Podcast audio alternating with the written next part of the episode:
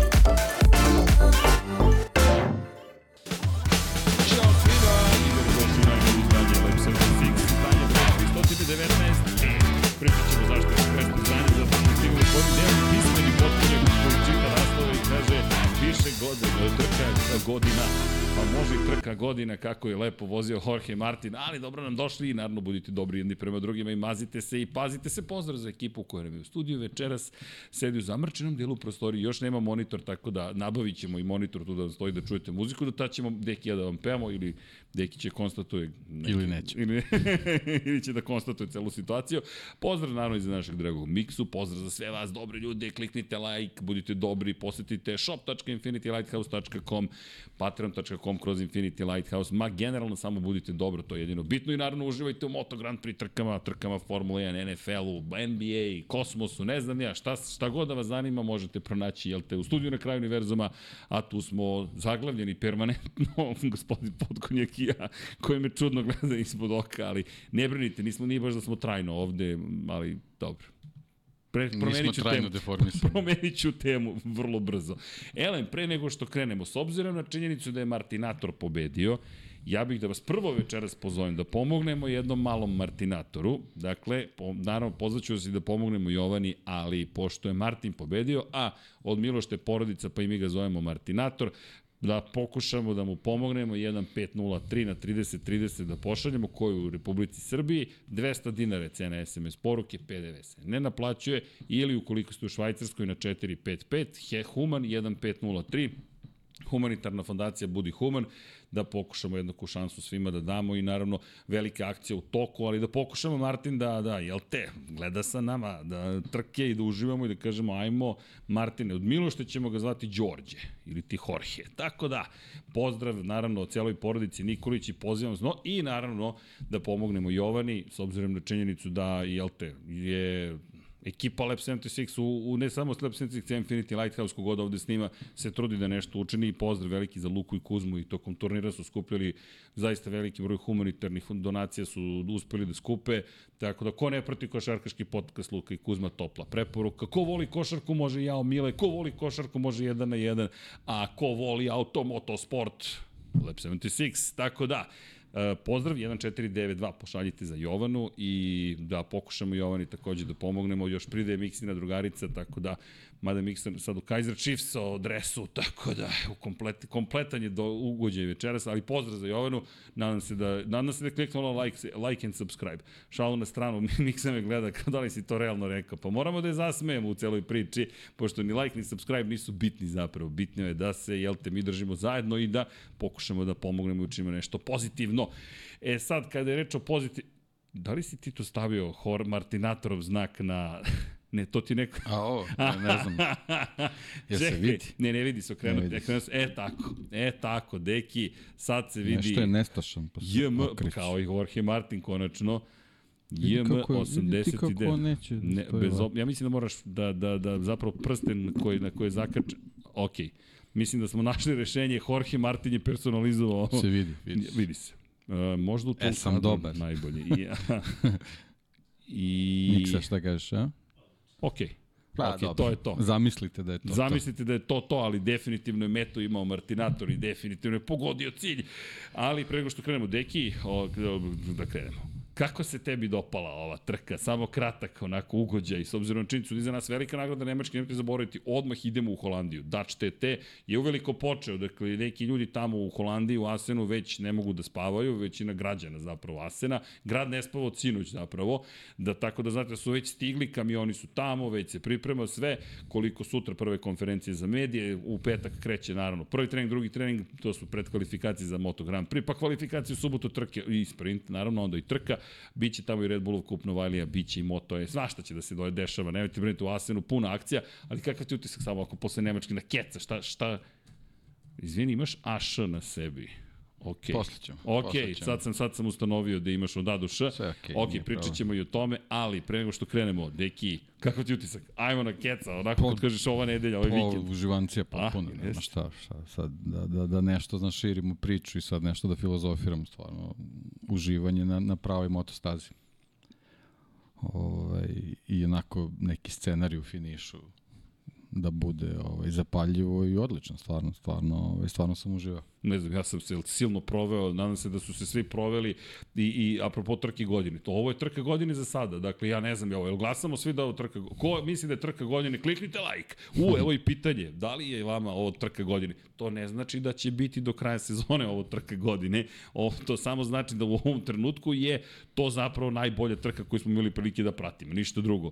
I, i iz te perspektive ja sam stvarno ne bio presrećan, nego onaj osjećaj kada se završi trka, a mi još posle toga imamo Formulu 1 i kažeš, "Uf, ovo je bila trka, ne znam koliko ljudi me zvalo, pisalo, a kakav cirkus, kakav haos i sve ostalo, pri čemu Jorge Martin koji je za one koji slučajno nisu propratili trku, spoiler alert, zato ste pretpostavljam i ovde, pošto ćemo pričati o celoj trci, Jorge Martin koji pobeđuje Francesca Banjaju i jedan i drugi GP23 najnoviji Ducati voze, mada malo tu postoje razlike u oplotama, svesnim izborom, I Jorge Martin ne samo što pobeđuje u glavnoj trci, nego u sprintu uspeva da pobedi 37 maksimalnih poena, smanjuje razliku u šampionatu na 16 bodova u Francesca Banja, odnosno na Francesca Banjaju i imamo reprizu prošle godine gde Paolo Ćaba, ne Paolo Ćaba, izvinjam se, izvinjam se, izvinjam se. Dakle, krenemo od Luigi Dalinje, koga nisu previše prikazivali, Davida Tardocija, pa dođemo do Ćabatija i gledaš ih u Ducatiju, Ćabati je ovoga puta bio zvezda kako ćute i ne veruju šta se ponovo dešava. Istorija se ponavlja, ali ovoga puta nije Nea Bastianini, kog su doveli u svoju ekipu da ne bi im se to dešavalo, umesto Jorgea Martina,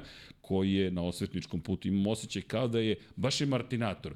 Vratio sam se, došao sam iz budućnosti da vam kažem da ste izabrali pogrešnog. Ne kažem da su izabrali pogrešnog, nego da je Martin zauzeo taj stav, a sad će biti Terminator. I deki, stvarno je bilo impresivno gledati čoveka kako uspeva da pobedi u, u bici, najpre, najpre sprintu, mada sam tu stekao utisak kada je Banjaje rekao, ok, kontrolišemo situaciju sve, e, već u glavnoj trci, ne da nije bilo kontrole situacije, već su u subotu uveče Banjaja i Ducati uzeli podatke od Jorgea Martina i pramak Ducatija i gledali kako vozi sektor broj 2, ne bili uspeli da smanje tu razliku. Tako da, ako smijem da se našli, ne, zamenite Banja, ne zamerite Banjaja navijači, možda i nije loše što i privatnici imaju te motocikle, pa mogu da baci pogled na podatke i da kažu, pa čekaj, možda možemo bolje. Ni to nije pomoglo, na kraju opet Martin pobedio, mada se spremao Banjaja za onaj napad, onaj kontakt. Pa to sam teo da kažem, mislim, nije da nije pomoglo, Jorge mora baš da, da se ovaj, potrudi da, da, da sačuva prvo mesto, tako da ovaj, bit će sad u nastavku Biće dramatično. Biće dramatično, ajde da iskoristimo taj termin, da. E, Evo da postavim i pitanje, da li vam je VN Nemačke za sada, za sada trka Nemačke, za sada, aha ne, vikend godine, možda je to bolje, pošto imamo dve trke, pa možda sam to i mislio, Vi, uh, da je Martinatoru uh, trk, ne, trka godina, ne može, trke godine, ne, ne, sve u redu. Pokušao sam da se izvučem, ali ne. Lapsus koji niko nije video. Postovali smo na svim društvenim mrežama, cijelo jedno slovo smo promašili. Deki koji sedi kaže, hm, vikend najbolja, e, Martinatoru najbolja trka godina. Ok, zašto godina, ne zna niko, ali eto. U svakom slučaju, Dešava se. Onaj kontakt u predposlednjem krugu, dakle izlazi iz poslednje krivine, e, kontakt koji je koštao da Martin malo pobegne i da na kraju zapravo Banjaja... Košta par stotinki. Taman koliko ti treba u modernom Moto Grand Prix-u i bacit ćemo i pogledi na vremena, ali nije ovo priča o vremenima, ovo je priča o, o duelu, mo, to je moje mišljenje. Vidjet ćemo naravno i njihov, njihov tempo kakav je bio u trci, međutim za mene pre svega ovo duel dva u ovom momentu sjajna vozača, Jorge Martinu smo pričali hvalospeve u prethodnom podcastu s razlogom, četvrti, četvrti u Herezu, pa onda dođemo pobeda, drugo mesto, pa treći, pa drugo mesto, sada pobeda i pobeda, deki, dakle, ovo je četvrti trkački vikend u kojem je Jorge Martin na jednom od najviših nivoa, pri čemu je prethodne nedelje već rekao, kada sam bio četvrti u Herezu, shvatio sam kako da vozim zapravo i da dođem do dobrih rezultata ne može bolje od ovoga. Dakle, ti zadržiš iza sebe u celoj priči Francesca Banjaju, u zapećak staviš svetskog šampiona, u zapećak staviš i priču o tome da, da Mark Marquez ima jedan od najkatastrofalnijih, ne, ne, najkatastrofalniji vikenda, da nije ozbiljnije povređen u svojoj karijeri na stazi koji, na kojoj, što kaže David Emmet, ukoliko ovde ne radi, nigde neće raditi. I kao da je početak kraja zapravo za Marka Markeza i sve to ostane u senci jednog velikog osmeha zapravo. Ja, Miksa, možeš da ubaciš fotku koju smo izabrali za thumbnail, molim te. Taj osmeh, inače pozdrav za Hasana Bratića, bio je zajedno sa celom ekipom u, u Nemačkoj na Saxonringu i poslao nam je, ovo su njegove fotografije iz njegovih ruku, tako da je mnogo lep bio taj osjećaj. Ali deki, onaj pogled, onaj osmeh, pri čemu, samo da napomenem, u Moto dvojkama Pedro Acosta možda smejao se, ali možda najmanje i Denis Ondžu, čekaj, čekaj, morao sam da počnem sa Denizom Ondžom. Pa najza, Denize si pobedio, dakle, jedan hoću mega like za Deniza Ondžu, dakle, ne znam da smo više se veseli, ajde više da stavimo tu adakta pobedu i sad možemo da, ajde tražimo nekog novog da pobedi prvi put. Ajmo sad Diogo Moreira da navijamo, ali ja mislim da su svi ovde navijali za Deniza Ondžu, ja ne znam koliko radosti su mi postali ljudi, e, o, super trka Martin i, i, i Banjaja, ali ovo kao da je lično bilo sa Ondžom. Ajmo Ondžu da te vidimo da pobediš, ne znam koliko je, prosto je toliko harizmatičan, moram ti prijeti da se baš obradao i, i, i Junkie, ja sam bio čo, Pa, zaslužuje, zaista. zaista. Posle toliko truda i sa svim problemima koje ima tokom trke, stvarno je zaslužio. Kao da, se, kao da ni on nije to toliko očekivao da će se desi. Verovatno u poslednjem krugu razmišljao šta će sad da bude, pa da opet ne pobedi. šta, e, šta, šta sledi u celoj priči? Imaš, imaš, imaš, imaš. I imaš to, imaš samo je tamo iznad, nećeš je prepoznati jer sam ja isekao. Poslaću ti ponovo, ali u svakom slučaju u cijeloj priči, a da, znaš zašto ne vidiš? Zato što je Slack sakrio zapravo fotka kako izgleda. Tako da ne možeš da je prepoznaš. Stavit ću ti smiley na nju. Evo je. e, znaš da mi se tužio da sam creepy sa smajlima, pošto svugde stanjem smajli, svi su kaže, svestan si da je to malo jezivo kad pošalješ u poslovnoj komunikaciji. Rekao, ne znam, nisam me još upoznali. Elem, da ne pobegnemo na Moto3 odmah, ali Martin, ajme sad ozbiljna analiza. Dakle, Jorge Martin, kvalifikacije, so-so nije bilo savršeno. Evo ga, pogledaj ovo, jasme, pogledaj Zarka s druge strane. Joan Zarko koji je na, na pramaku drugom klubski kolega Ja se ne sjećam da je neko ovoliko bio nasmijen. Druga pobjeda u karijeri, u glavnoj trci, ne, ne računamo sprint. Prva pobjeda još od velike nagrade Štajerski 2021. Druga pobjeda u istoriji Pramak Ducatija. Paolo Campinotti, sla, verujte, slavilo se u Nemačkoj u nedelju uveče. Šef ekipe, vlasnik tima, presrećan, ali ovaj osmeh, ne znam kako, kako tebi izgleda. Ovo se Ovo ne možeš da odglumiš. Ovo je čista radost jednog čoveka koji slavi veliku pobedu, ali mi mnogo lep moment Zarko koji koji pa dobro, da, radost mislim, deli nekako. Ovaj, potpuno razumljivo slavlja s obzirom da ovo je ono što kažeš, ajde, malo, malo te kvalifikacije, treninzi, ali, ali generalno kad se pogledaju trke, ne može savršeni vikend od toga da, da ovaj, pobeđuješ i to još si ispred svetskog šampiona, tako da ovaj, apsolutno puno razloga za zadovoljstvo, a, a Zarko, mislim, dobro čovek, ono, rocker varijanta, mislim, naravno, naravno da mu je drago kad, kad timski kolega pobedi, zašto i ne bi, mislim, nije, nije bio nikakav direktan duel, pa da je on u, u, u, u tim nekim posljednjim metrima izgubio pobedu, bio je tu, možda je malo zakasnio sa, sa svojom strategijom da se, da se umeša u sam, sam vrh, ali jednostavno, u, u, kao što si rekao, u modernom Moto Grand Prix nije baš tako jednostavno da, da, da ovaj, iz trke u trku možeš ovaj, da, da iskoristiš sve svoje potencijale, tako da mislim da je apsolutno zadovoljan podijum, pre svega zato što je, što je Pramak stvarno kao ekipa trenutno izgleda u najboljoj formi, tako da verovatno on očekuje da će i njegovih 5 minuta da dođe, i njegovih 5 metara. razmišljam samo o tebi, razmišljam gde da. kraj trke i Zarko koji je sad već prihvatio tu činjenicu da je pred kraj trke brzi i tako dalje. Nije dovoljno, Pa dobro, ovo je kratak krug bio, ovo je teško je, teško je ovde da, da, da sprovedeš neku strategiju koja možda može na, na nekim drugim stazama, ali mislim da je generalno zadovoljen. E, pa delovo je zadovoljno, jer pazi, ako pogledaš, Joan Zarko je četvrti u šampionatu, treći, treći, treći, čekaj, ko je jedina osoba koja je stajala tri puta za redom trenutno na pobjedičkom postolju? Jorge Martin. Dakle, pramak Ducati, drugi, treći, drugi, treći, prvi, treći. Još jedino da budu prvi i drugi, to im jedino Ma, ostalo. poenta je, poenta je što imaju brzinu i u kvalifikacijama, ne sad konstantno, ali imaju brzinu, brzi su u sprintu, brzi su u trci, tako da ovaj all round Ducati što bi rekli. Ali pazi, A kompletni da, njih su. dvojica uz, uz, uz Banjaju, onako nekako su naj, najkompletniji u toj, u, u toj priči. Naravno, svi, svi imaju neke, neke, neke loše trenutke, ali duga je sezona, tako da naravno da ima razloga za zadovoljstvo zato što ima još, još puno prilike da se iskažu dodatni potencijali. E, vidi, kada pričamo o kvalifikacijama, možda su tu i najslabiji. Ali zašto bih se žalio ako si uspeo da Banjaju sustigneš, dobro, startuješ, izboriš se u duelu. Ono što je mene oduševilo jeste da je Banjaja pretekao Martina, pretekao ga je na stazi i Martin je ostao uz Banjaju i uspeo da vrati poziciju i pošto je vratio poziciju uspeo da se odbrani. Ok, taj kontakt pod znakom pitanja šta bi se dalje dešavalo, ali desilo se, Banjaja je napravio grešku kako god da se desilo, na kraju dana Jorge Martin odneo pobedu i ono što jeste bilo fenomenalno u toj celoj priči jeste činjenica da zapravo gledaš čoveka koji ajde, kada, kada govorimo o, o, o, o, načinu na koji pobeđuje, baš je brz kad to radi. Ako, kada vidiš prosto šta radi, kažeš čekaj, ovaj čovjek je brz. Ovo je bukvalno brz čovek, ništa drugo, samo možeš da konstatuješ i to mene ono, ono što je obradalo u celoj trci, što se videlo da su njih dvojica mnogo brzi. Ne znam, to je moj utisak i onda u celoj toj brzini ti pretekneš svetskog šampiona, odbraniš se i prođeš prvi kroz cilj, a još si pobedio u sprintu. Pri čemu u sprintu to izgledalo impresivno, preko 2,5 sekunde prednosti imao na kraju. Na kratkoj stazi, kao što si rekao. Da. Baš je pripao vikend Jorge Martin. Ne, ne znam kojim hvalospepima da ga obaspemo u celoj priči, a mi već sad idemo u Asen, još jedna brza staza. I neko ovde pevao, ko je pitao ko će da pobedi u, u Asenu, ko je pevao Dukati su prokleti. Evo ovde, Dukati su prokleti, dakle, ne, ne, je Dukati, da se ne lažemo. Deki, ako smo negde videli dominaciju, ja ne znam da li smo veću ikada videli zapravo u celoj priči. Ovo je neverovatno bilo. Osam pa, njih među deset jeste, najboljih.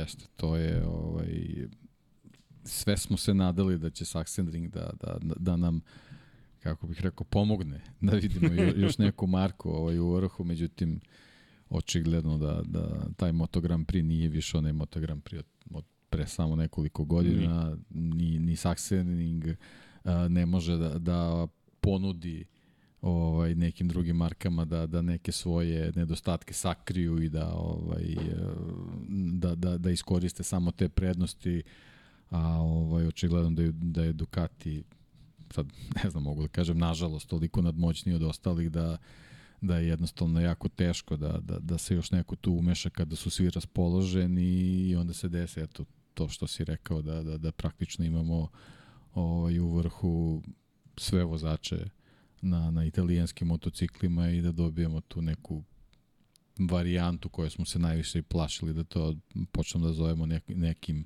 kup takmičenjem, ali, ali ne može da bude jednostavno kup takmičenja zato što to su različiti motocikli na različiti način okay. uh, pripremaju velike razlike između ekipa, tu, tu, tu neko može da bude i, i hendikepiran, ali, ali generalno ovaj, velika je stvar da, da, da i mali timovi mogu da koriste te potencijale i da i da čak i na prošlogodišnjim motociklima ovaj pariraju aktuelnim verzijama i da, i da voze bukvalno u, u stotinku iste krugove. Pazi ovo, dakle kada govorimo o, o, o ajmo ovako, ajmo da pogledamo pre nego što odemo ovako, da pogledamo stanje u šampionatu sveta. Obratite pažnju na stanje u šampionatu sveta, dakle kako trenutno izgleda MotoGP, vidjet ćemo Jorge Martin koji ovako leti praktično, a nije se izbacila grafika, nešto se šlogiralo. Jel si izbacio grafiku? Ne, ako, ajde molim te da bacimo pogled upravo na to. Dakle, evo ga. Dakle, kada pogledamo, pogledajte gde nam je Jorge Martin. Martin nam je otišao sada i pazi sad trend. On čovek samo ide na gore u poslednje četiri trke. Dakle, kada pogledaš, Francesco Banjaja na 160 pojena, na 144 pojena je Jorge Martin na 126 i trenutno Beceki koji je malo ušao u ravniju fazu, da to tako kažem. Pa dobro, očekivan. I, tako je, i tu sad dolazimo, ali dolazimo do priče koju hoću da istaknem sada apropo privatnih Ducatija. Na prvoj poziciji je fabrički vozač na GPO 23. Na drugoj poziciji u šampionatu je privatni vozač na GP-u 23. Na trećoj poziciji u šampionatu je Marko Beceki, privatni vozač na Ducatiju GP22.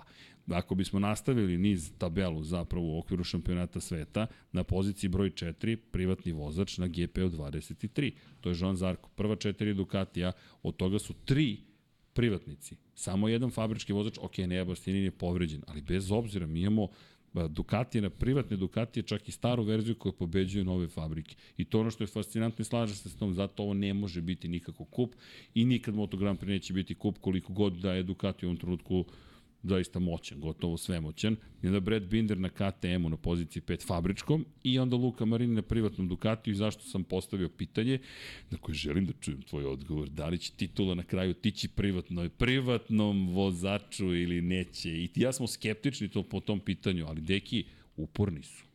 Uporni su, naravno, imaju, imaju legitimno pravo da, da, da budu uporni bez obzira ovaj kako u, u, u fabričkom ekipi, fabričkoj ekipi gledaju na to, ali ovaj Baš jednostavno izdanja koje smo ove godine imali od vozača iz Pramaka i iz, iz VR46 apsolutno im daju za pravo da da se nađu ovaj u, u borbi za titulu koja možda, nije, mislim, po meni zaista, mislim da nije još ni počela, mi nismo na polovini šampionata. Jel misliš da će početi... Opekli smo se prošle godine, tako okay. da apsolutno nema nikakvog razloga da u ovom trenutku pričam bilo šta o tome, s tim što bi ja, ja bih ovaj, u, u ovoj priči ipak spomenuo, pošto tabela to ne govori tako, ali stvarno trebamo da, da, da se setimo Aleksa Markeza koji je uh, u više mahova pokazao da, da, da je, da je ovaj, da se mnogo bolje snalazi na, na Ducatiju i da mu apsolutno leži taj motocikl stvarno je nedostajalo sreće u nekim, u nekim trenucima da, da možda i njega vidimo mnogo više ovaj, na, na mnogo boljoj poziciji u generalnom plasmanu nego što, što zaista jeste, ali ovaj, eto, potrebno je naravno u takvom šampionatu da imaš toliko vozača koji, koji pretenduju najviši plasman da imaš i malo sreće. Ovog puta, ponovo, apropo Aleksa Markeza, baš, baš po tom pitanju nemam, nemam, mnogo, nema on mnogo sreće, neću ni da pričam o Marku Markezu i Hondi, to je tek tema za sebe o kojoj ćemo pričati, naravno, ali činjenica je da, da kada pogledaš privatnike, to je to, dodaš još Aleksa Markeza u celu priču i ko zna šta bi se ovde sve događalo ali zaista mislim da ovde postoji šansa. Francesco Bonjaja je bio fantastičan. Dakle, Francesco Bonjaja je uradio sve što je bilo u njegovoj moći. Kažem, možda je negde utisak bio u sprintu da nije hteo toliko da rizikuje, to je samo neki moj utisak, na kraju se ispostavilo da, da nije imao ni adekvatnu brzinu, pošto su gledali te podatke, to mi je neki zaključak. Jorge Martina, ali dva druga mesta, daleko toga da je loše, međutim opet, znaš, ti si dao sve od sebe, i ne završio si ponovo na drugoj poziciji. Neko te pobedio, niko ne voli da gubi i mene je oduševilo što je Francesco Banjaja u celoj priči zaista bio pravi šampion. Oduševilo me što nije odustao, ja sam na trenutku pomislio, pa okej, okay, Znaš, tu, tu si gotovo, nema potrebe i onda vidiš ne. Da, ali bilo je, ne. bila je stvarno takva situacija kad, kad se posmatra kako je vozio, on je bio zaista toliko siguran u sebe da nije bilo nikakvog razloga da, u, da u bilo kom da, trenutku ovaj, nije bio ugrožen. popusti gaz, da jednostavno videlo se i taj, taj Jorgeov manevar ili već šta god to bilo u, u pretposlednjem krugu ovaj, ga je malo poremetio da toga nije bilo, da, da je taj izlaz na, na, na startnim pravac bio bolji, da je tu ostao u nekom dobrom ritmu, ko zna šta bi bilo u poslednjem krugu, tako da mislim da je on ovaj, uz, uz, taj, uz taj moment, pa, pa sve, sve i do, do, do izlaska ovaj, poslednji put na, na ciljni pravac, mislim da je, da je računao na pobedu. Delovao je sigurno sebi, baš si lepo rekao. I isto me potiti me na Onđu, u jednom momentu neko mi je poslao poruku, ovo je isto kao Onđu u Moto trojkama, samo čeka poslednji trenutak.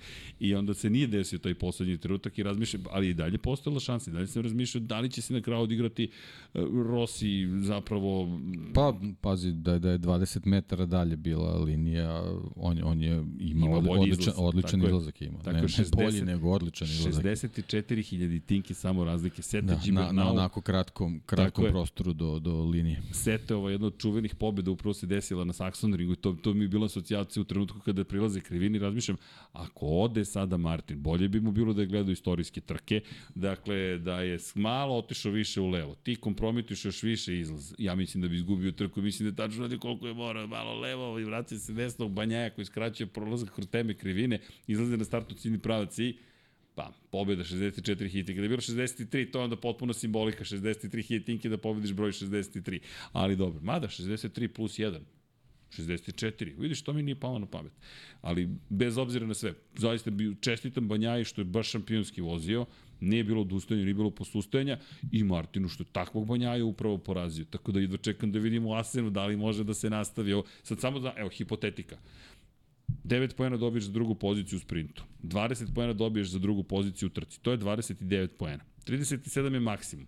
Da se ponovi isti rezultati, prepolovit će prednost pred odlazak na letnji odmor, raspust kako god. Ali Deki lepo si rekao, mi prošle godine ne, ne baš posle osme trke, smo bili u situaciji da je Fabio Quartararo imao 91 poen prednosti. Evo imamo damu koja, se ve, koja već je potonula u stolici i tu nam je majica Fabio Quartarara.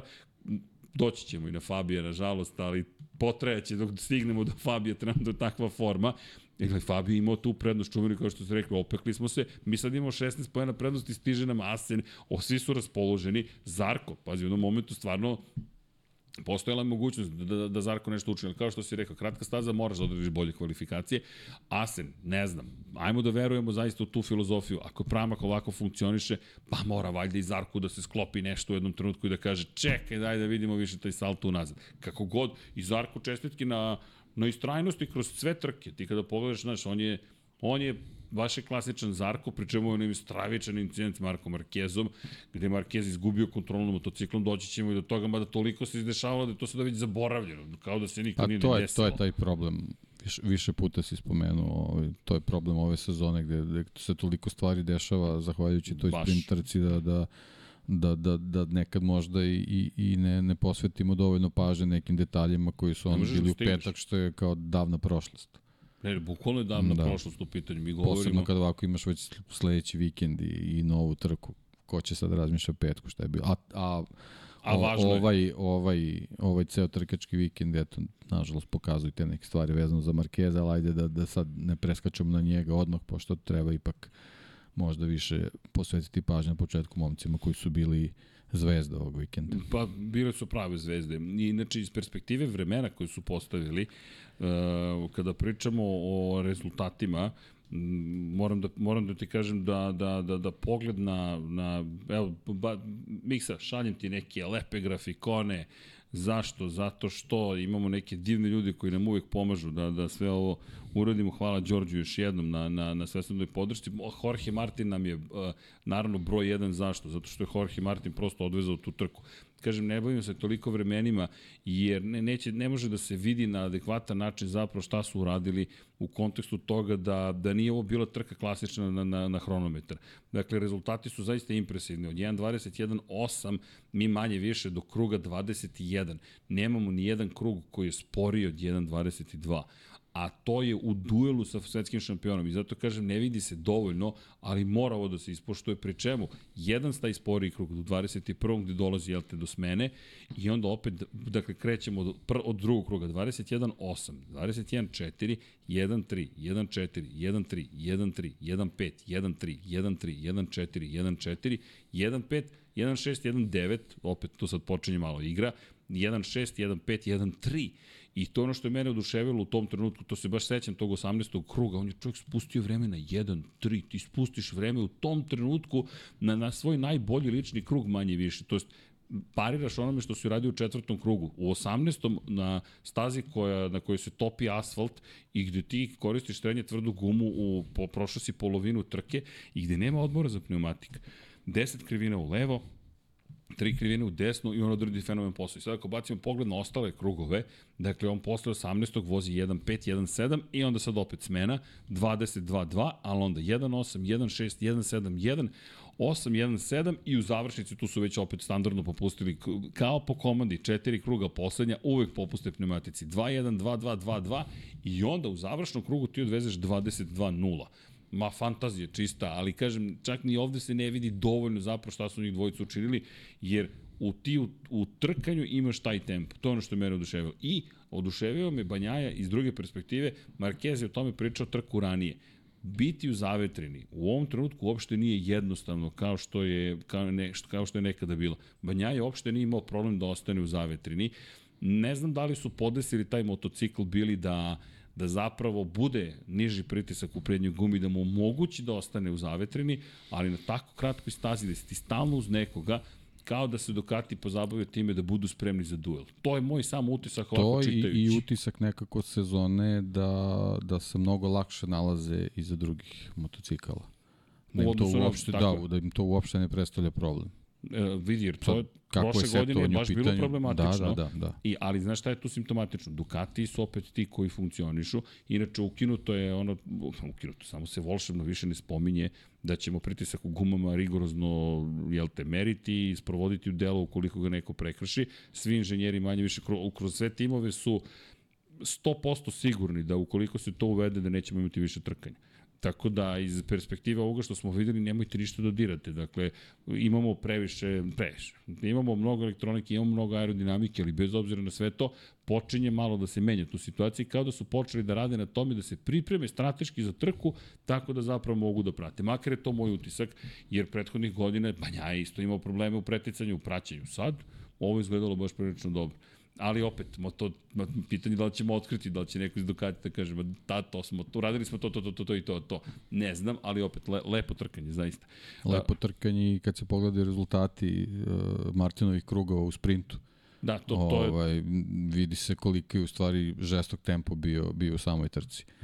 On je imao, imao u sprintu nekoliko krugova ispod 1.21, ovaj, ali ostalo, uh, ostalo je bilo onako praktično na, na nivou ovih ovih, ovih krugova koji smo videli u trci. Pa, ako pogledaš glavnu trku, dakle, glavna, u veliku nagradu u nedelju, dakle, evo, evo ti, ovo ti je prethodna trka. E sad, imamo slajd i za sprint zapravo, u kojem smo imali samo 15 krugova. Dakle, ovde do kog? 18. Je, se drži 1.21, 9, 5, 6, 3, dakle, posle toga, i oni, da, ali pazi, oni dalje ima, pogledaj tempo u 22. 3. 4. 5. 6. Ali kažem, opet čak ni to mi ne otkriva dovoljno. Zašto? Zato što ti se i dalje trkaš protiv nekoga. U sprintu je on sam. Ovde on nije sam i on uspeva ovo da izvede. Istina, drugačije se pristupa sprintu, goriva, potrošnja. Pogledaj sprint. Ti imaš 1.21, 5, 1.3, 1.4, 0.9, 0.9, 0.8, 1.2, 1.3, 1.5, 1.4, 1.4, 1.5, 1.8 i onda na kraju imaš 22.1. Da, pa ovi, ovi, da kažem, uvodni krugovi tamo četvrti, peti, šesti, sedmi, to su, da kažeš, baš pravi sprint krugovi. Ovo su posle krugovi koji on bez problema ponavljao i u trci. I, koja, koja traje mnogo duže, tako i, da ovaj, je, očigledno je da, da, da, da je bilo razloga da, da, da ovaj, fabrika fabrička ekipa Ducati ovaj, zatraži ovaj, te podatke da, da ih dobro prouči. E, vidi, kada pogledaš ponašanje, kada pogledaš razmišljanje, e, Ducati Ducati je uradio sve što je mogao da pomogne svom šampionu. I bilo je dosta kritika na račun Banjaja. Evo, žalio si se. Nema potrebe za kritikama. Ljudi, isto tako je isti Jorge Martin uzeo njegove podatke. Isto tako svi oni mogu da gledaju jedni drugima podatke. To što je Ducati uzeo i gledao Martinove podatke, to je najveći kompliment Pramaku i Martinu, ali nije ništa čudno niti neočekivano. Samo nema potrebe da, da čovjek bude sada razapet. Nema razloga, što... pre svega zato što ovi rezultati pokazuju. Ovo nije, kao što kažeš, ta neka vožnja na hronometar, kao što je to zaštitni znak nekih vozača. Ovo je vožnja da slomiš sve ostale. Jednostavno, to je, to je glavni ideja ovak, ovakvog stila vožnje i mislim ja bih volao da, da to traje do kraja da, sezone, isto, isto. ali mislim mislim da će jednostavno biti staze da će ovo biti nemoguće da se da se vozi na ovaj način. Znaš šta je mene oduševilo? Još pride, sve me očigledno oduševilo, a to je da ti u toj brzini zapravo ne praviš greške. Jer, jer Martin prošle godine, ja bih bio siguran do osmog kruga, to je ćao. Prednji točak je otišao Dobro, kao, kao Martin je, prošle Martin godine. je imao hendikep, on je posle stvarno teške povrede, Jest. jako dugo se vraćao i, i potrebno je zaista zaista ući, ući u formu ovaj, što se tiče modernog Grand Prix da bi mogao da pružaš ovaj e, izdanja na, na, na svom maksimumu, tako da u stvari ovo sad što imamo je taj pravi Jorge Martin koje, kojeg trebamo da imamo u Moto Grand Prix i ono što sam ja već ne znam više koliko sam puta i ponovio, ako, ako nekome odgovara ovaj novi format takmičenja, to je, to je Jorge Martin koji jednostavno subotu iskoristi za, za, za svoj maksimum i onda taj dobar rezultat u stvari pretvori u dobru trku nedelju zato što je pre svega psihološki rasterećen jer je već uradio nešto dobro. Sviđa mi se tvoja teorija. Kažem ti, pišem tvoja pitanja kad ih sretnemo prvom prilikom da vidimo Martine i da li utiče sprint trka na tebe. vodio na večeru nekoga ko je napravio ovaj format. S kim si dobar u Dorni? Čekaj da, da razumemo mi celoj situaciji. Ko, kome je ovo pomoglo?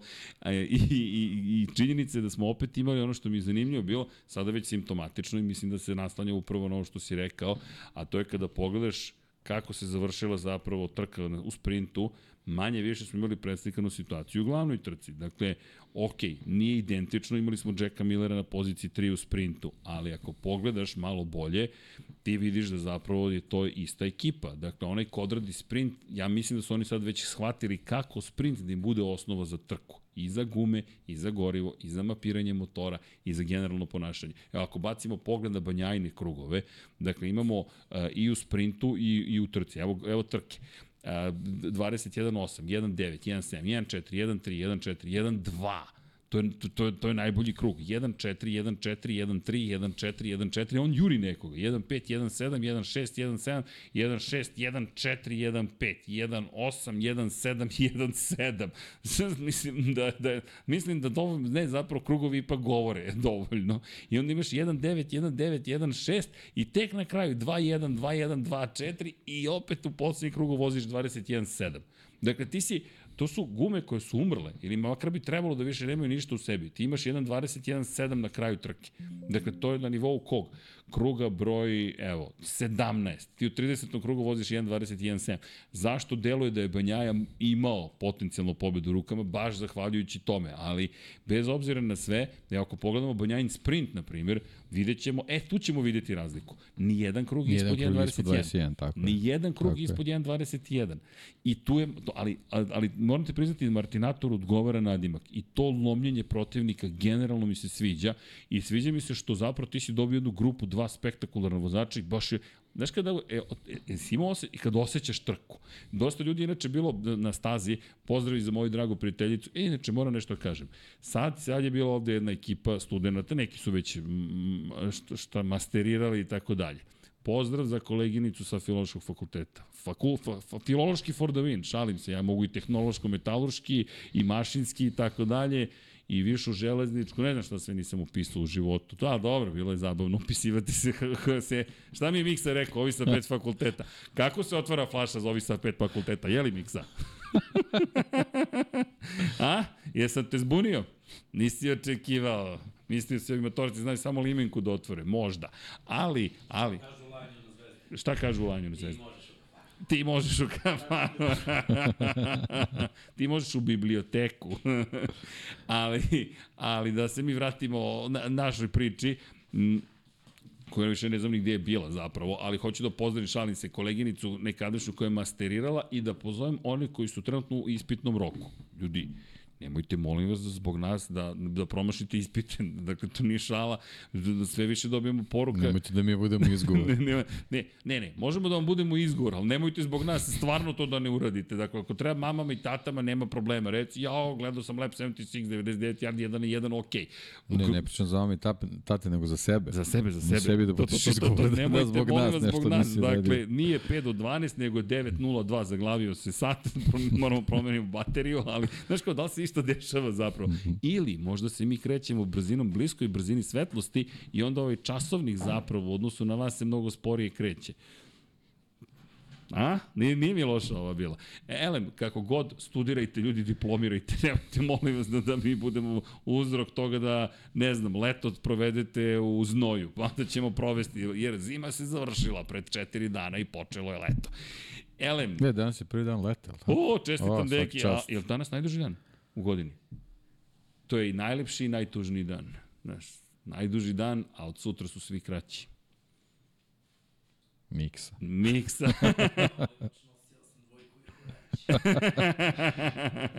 ne, ti ćeš, ti, od tebe počinje serijali, se filmski serijali kreću od Mikse. Mislim da smo našli, uh, mislim da smo našli trećeg Amigosa za Tres Amigos Los Filmos, tako će da se zove podcast. Eto, jel može Miksa? A moram da imam sombrerose. Dakle, imali smo jednom sombrese, imali smo i sombrere, ja ne mogu da verujem. Dobro. A, da, okej. Okay. idemo dalje. U svakom slučaju, počinjemo polako da dobijemo ko je dobar u sprintu, dobar je, po jutru se dan poznaje i to je sad simptomatično. Šta ste ovo kažeš, ko je dobar u sprintu, dobar i u trci? Tako je. Pa dobro, ne važi baš za sve.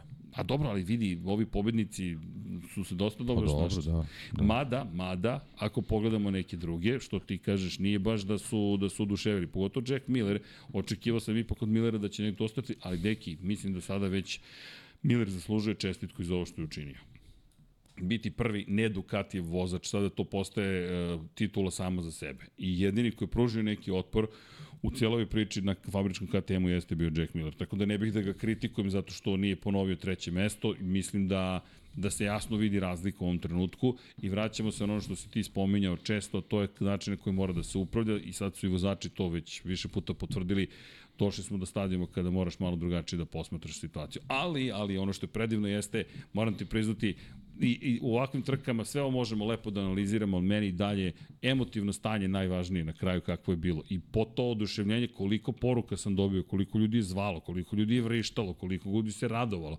koliko je tvitovalo, ne znam ni ja šta sve nisu ljudi radili zato što se desila takva trka, to je onaj najlepši dan koji možeš da doživiš. I da kažeš to je to, nije ni bitno na kraju koji su bili krugovi, mi ćemo ih, ih analiziramo, zato smo ovde, ali suštinski kada pogledaš tuj mi ono polne krugove, kad ti ne znaš šta će da se desi, kad ti stojiš od 15. kruga na nogama, čak i u komentatorskoj kabini, jer ti je frka šta će da bude, šta će da bude, šta će da bude i to, to mi je iskreno, zato mi je ta Nemačka toliko lepa. I onda gledaš broj ljudi, skoro 100.000 ljudi na dan trke, rasprodate ulaznice, E, gužva na stazi, lepi vremenski uslovi posle dva dana padavina kiše, sve se nekako poklopilo, Ondžu pobedio, a Kosta i Arbolino nastavili svoju tuču, ako više postoji, mada mm, malo je ušao a Kosta u, u formu u kojoj će biti težak, te, teško ga zaustaviti, no bez obzira, znaš, dobiješ baš ono što si želeo da dobiješ. Makar ja mislim da smo dobili ono što smo želeli da dobijemo. I sad hoću reprizu, hoću još. Znaš, taj jedini problem, što svi ostali nekako su odjednom zaboravljeni, a ne smemo da ih zaboravimo. Jer to ne smemo da zaboravimo, za malo voda da odleti, dobro, nije odletela. Jer ti kada pogledaš, evo da vas pitam, ko je bio četvrti? Tako je, gospodine, se vi sećate, jeste se, se setili? Dama kao iz topa, pa ćeš mu, Beceki, ja sam očekivao, neće baš biti tako, ali Bec je bio, bio četvrti. Bec je bio četvrti da zaboraviš, čovjek je odvezao prilično da, dobru trku na kraju. povratak kroz da, grid, da. Kroz grid zapravo da. je na kraju uspeo da odveze mnogo bolju trku nego što se vidi na prvi pogled vidi, iako smo videli u šampionatu da mm, malo je to počelo da, da, da, da za, za, za stajkuje, ni on daleko, 126 poena, 34 zostaje za Banjajem, sve to nadoknadio, pogotovo uz, uz sprint format. Ali pohvale, četvrta pozicija, sedmi bio u sprintu i video se napredak. Ali moram priznati da, da, da mu djelo, pogotovo nekako od one glavne trke, pa su rekli našli smo problem koji smo imali u trci, na kraju su ispostavili da baš i nisu našli, je sad za glavnu trku se nešto desilo, pa smo došli do toga da budu na četvrtoj poziciji. Luka Marini koji je opet pretrpeo poraz u tom direktnom duelu sa klubskim kolegom, Luki se trenutno baš se ne daju poklopiti kockice, a nisu loši rezultati. Šta sad da kritikujemo čoveka koji je bio peti u Moto Grand Prix trci? Malo teže, samo prosto postaneš nekako irelevantan, znaš, to je neka trka ta, tamo pozadi otprilike, osim za Beca koji ima koji zaista ima o čemu da razmišlja u, u borbi za titul šampiona. S tim što tu ulazimo polako u fazu kada se društvo proređuje. 109 poena za Zarka i onda Brad Binder na 96, od koga sam ja zaista očekivao mnogo, sada 64 poena za ostatka, kao da dolazimo do faze uh, apropo tvoj komentara da se lomi. Ja mislim da sada i da je Banjaja zapravo rešio sad da slomi pre, pre letnjeg odmora i da su da mu izašao ovaj žilavi momak koji je rekao nemaš, ne dam, ne dam. Taman se oslobodio Beceki, ok, jedan je završen, eto ti ga, eto ti ga Martin. Pa dobro, ali opet, eto, kad pogledaš sa te strane za njega, možda i nije loše što se dvojica tu pojavljuju, zato što će oni možda jedni drugome da, da, jedan drugome da malo te, te bodove ovaj, štipaju, pa će za, za njega ovaj, da, da se stvori neka, neka veća razlika, ali glavni uslov je da on mora da bude on, uvek tu on, i mora da bude prvi to, to. i nema a, nema ni, ni, ni trenutka ovaj, mogućnosti da pomisli da je on sad tu ovaj, u nekoj preteranoj prednosti i, i da će na osnovu ovaj, tih nekih svojih izdanja da, da izgradi neku veliku razliku ovaj, pred, pred, pred pauzu, stvari ne mogu ni da kažem pauze, koliko je već, već smo pauza imali ovaj, ne znam više ni šta je prava pauza. Tako da ovaj, jednostavno mora, mora čitavu sezonu da, da bude na najvišem nivou i da se generalno nada da će, da će kroz trke više, više vozača da konkuriše, da, da, da mu otme pobedu, što, što će u krajnjem izbiru dovesti do toga da, da on ostvari tu neku prednost koja će mu u finišu sezone omogućiti da, da nekako lakše diša, da, da nema još jednu godinu gde je onako baš u, u ozbiljnom maksimumu mora da, da, da završi sezonu. E, Banjaja, baš, baš, baš je u fazi kada to, to, to, to baš hoću da kažem, da, gde kao da pokušava, ne može, ne, ne da mu se prosto. Zato, zato, mi je, zato mislim da će ova godina ne znam, apropo i to koment, ja mislim da će ovo biti, biti baš veliki test za njega u tom smislu, upravo što si pričao, dakle da imamo, znaš kako, ti si prošle godine imao jednog rivala suštinski, sad razumem, i štipanje poena i sve, ali tebi zato što imaš takve rivale kakve imaš, ti sada Gde ti moraš da budeš tamo na najvišem mogućem nivou? Apsolutno. Ti, ti, sve vreme mora bude tu i nema opuštanja. Nema opuštanja. Ali znaš, kad si svetski šampion, to, to, ti je, je, posao. to je potpuno, da, to, to ti je posao i potpuno se očekuje, očekuje da tako i bude. Nema, nema, nema drugog puta. I, a to je ono što je radio u Muđelu. Bio na najvišem mogućem nivou. Ovde bio na vrlo visokom nivou. Pazi, da, sad, sad u, iz ove perspektive, sad malo kad razmislim, on treba da navija da se Neja Bastini ništo prevrati u formu. Zapravo da. Enea koji inače rekao da opet ima probleme kao prošle godine, da ne osjeća prednji kraj i da mu je vrlo teško da pretekne bilo koga. Dakle, da, da, da se malo vrati u nazad i da ne može da pretiče. Što su problemi koje smo spomenuli na početku, početku, ko zna kada, neki problemi koji su rešeni, ali Enea Bastianini koji je rekao da, da, da mu nedostaje osjećaj tog prednjeg kraja. I to smo na osnovu pritiska priča o pritiscima gumama, u prednjoj gumi i došli do zaključka. To kada rešiš, ti si zaista Pa sa Eneom je problem što on praktično na početku sezone. Da, on je I tek počeo to da je, ovaj, to može da ga, da ga prilično nazadi, a generalno je situacija gde, gde mu je sad neophodno da, da a, što se tiče kalendara ima što više trka u kratkom periodu da bi što, se što pre vrati u formu, pre, pre svega fizički. Ovaj, tako da ima tu sad mnogo stvari koje koji su neki vozači odradili pre 2-3 meseca, 2 meseca, on, on, on tek sad praktično ulazi u taj ritam i to, to je onako priličan hendikep. Uh, iz perspektive, pazi, testiranja, moram nešto da spomene, pošto smo, Enea je zapravo počeo sada da testira. On nema priliku da testira, tokom, nije ima priliku tokom sezone da testira, imaće u Mizanu, ovo je suštinski njegova kilometraža, testna kilometraža. Da. Ovo je ono što je već trebalo zapravo. Dobra da stvar za njega je bilo što, barem vozači tako pričaju, da, da Sachsenring nije, nije pretrno fizički zahtevna staza bila, tako da, da je njemu u toj nekoj fazi oporavka ovo sasvim odgovaralo da bude staza gde će ovaj, vratiti kilometražu, a da, a da ovaj, e, se jednostavno iscrpi toliko da, da, da ne može da bude spreman za se. E, imamo, imamo test trenutno, to je završenje test, ali nije njegov test, završenje test Alvara Bautiste u Mizanu, za one koji ne znaju svetski šampion iz Superbajka, nekadašnji šampion 125 iz 2006. godine, prošlogodišnji šampion u Superbajku i čovek koji će odbraniti titulu, kako sada stoje u Superbajku, dobije priliku da testira Moto Grand Prix motocikl i rekao je Bautista da je vrlo zadovoljan, imao i dobre vremena i rekao da je adaptiranje zapravo Moto Grand Prix motociklu prošlo mnogo lakše nego što je očekivao. Grand Prix vozač, Pa je, dobro, da, on je čovjek koji je to već vozio, tako da nije... Nije, nije toliko novo. Tako je. Tako I, I bilo je lepo videti. Naravno, svi mi i laički na prvi pogled vidimo da motocikli koje on vozi ovi nemaju, nemaju puno veze. Mislim, imaju naravno dosta dodirnih tačaka, ali ali mnogo se tu stvari promenili, naravno da je trebala adaptacija, ali kao što kažeš, on je čovjek i gram privozač, tako da ne možeš to da ne možeš to da zaboraviš. Ne, ne, ne, ne možeš drugačije se vozi Grand Prix motocikli. To su rasne trkačke mašine, zaista postoji ogromna razlika i to se videlo sad kod Bautista u Mizanu, pri čemu Ducati ga je pitao koja bi ti bila omiljena staza na kojoj bi nastupao. Malezija od svih, dakle, ti, znači, ne, dakle, ne možeš da izabereš zahtevniju stazu. Visoka vlažnost vazduha, visoke temperature, dugi pravci, spo, par sporih krivina, mnogo dugih krivina, duga staza, široka, prava trkačka, ako ćeš negde da imaš baš ozbiljan fight, to će biti tamo, ali znaš šta mi je zanimljivo?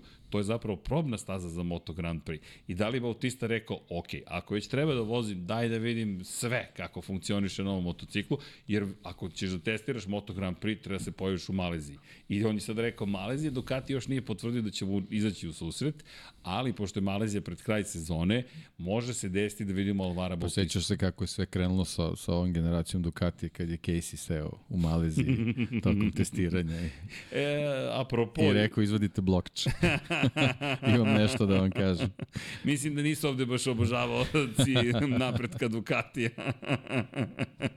Casey, e sad je Maha da pozove Casey. Kaže, Casey, znaš ono što te nismo angažovali zato što Jeremy Burgess je hteo, a Valentino Rossi rekao da ne možemo da te angažujemo, pa smo odbili.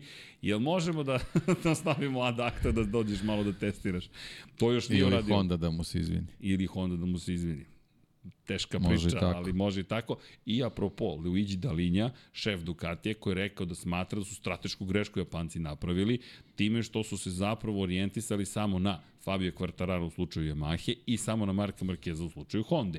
E sad, lako je sad reći to je strateška greška. Šta bi bilo da nemaš ove rezultate? Onda si ti u strateškoj grešci. Ali ko pobeđuje, on ima pravo da drži predavanja i ima razloga da kaže šta, šta je Dalinje uradio. Dalinje je davno počeo da seje ovo seme uspeha još kada je stigao, kada ga je Audi tu postavio, dakle doveo ga iz Aprilije, 2013. ili 14. je on stigao I šta se dešavalo? Dešavalo se da je zapravo Dalinja radio na tome da kada je došla ona otvorena kategorija, on je pustio softver svim privatnim timovima, budite moj razvojni tim, modern pristup, jer on je zapravo čovjek koji je open source uveo u Moto Grand Prix. Svi su imali zatvorenu elektroniku i imao si opciju da se priviš za otvorenu klasu. Ducati, to se sad više zaboravlja.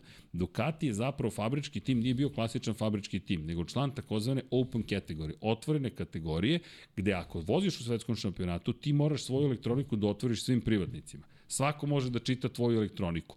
Super, svako može da čita, svako može da je piše. I Dalinja je verovao da time što će diversifikovati zapravo pisanje source koda za elektroniku, dobiti više nego što će izgubiti kao čitaju naš kod, pa rek čitaju naš kod. Dok su Japanci sve zatvorili, rekli ne, ne, ne, ostaje kod kuće. I onda odjednom počeo da raste broj Ducatija koji se prenuju sad u ovu novu eru, a onda smo došli do elektronike koja je standardizovana, što je lobirao Ducati da se desi, negde dobiješ, negde izgubiš, i, ali to su i bile, kada se bune što je ukinuto, na primjer, nešto što im je odgovaralo, Znaju zašto, nek nešto su drugo dobili. I sad sve to je dovelo do ovih motocikala koje sada imamo, ali to su to je rezultat decenijskog rada.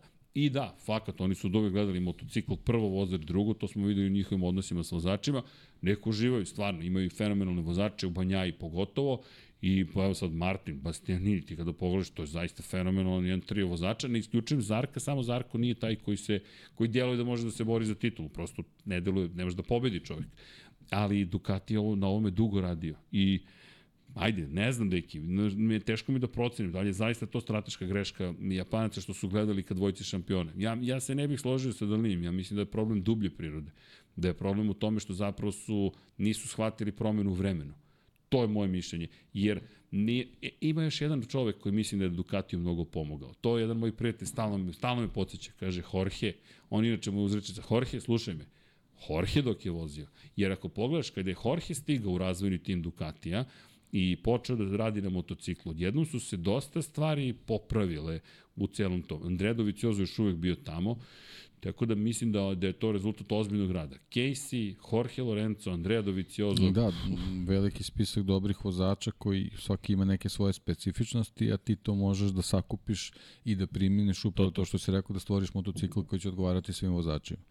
Što se tiče japanskih proizvođača, mislim da je, da je najveći problem bio u činjenici da, da su u jako kratkom periodu desilo dosta promena, a oni jednostavno zbog, zbog tog nekog svog principa nisu, nisu bili u mogućnosti da sve isprave, te, ne može da se kaže da nisu imali potencijala da mogu da, da, da rade na više frontova i da, da, da ovaj, u isto vreme uh, razvijaju nekoliko segmenata, nego jednostavno to nije njihov princip rada i možda su se pomalo uljuljkali pre svega titulom ovaj, Fabija Kvartarara poslednjom, a naravno što se tiče Honda tom, tom, tom serijom rezultata Marka Markeza, tako da jednostavno se ispostavi da, da to što je radio Mark Marquez kroz, kroz više sezona se očitava recimo kroz, kroz ovogodišnji odličan rezultat Rinsa u, u Teksasu. Znači to su neke stvari koji, koji više spadaju pod kategoriju anomalije nego,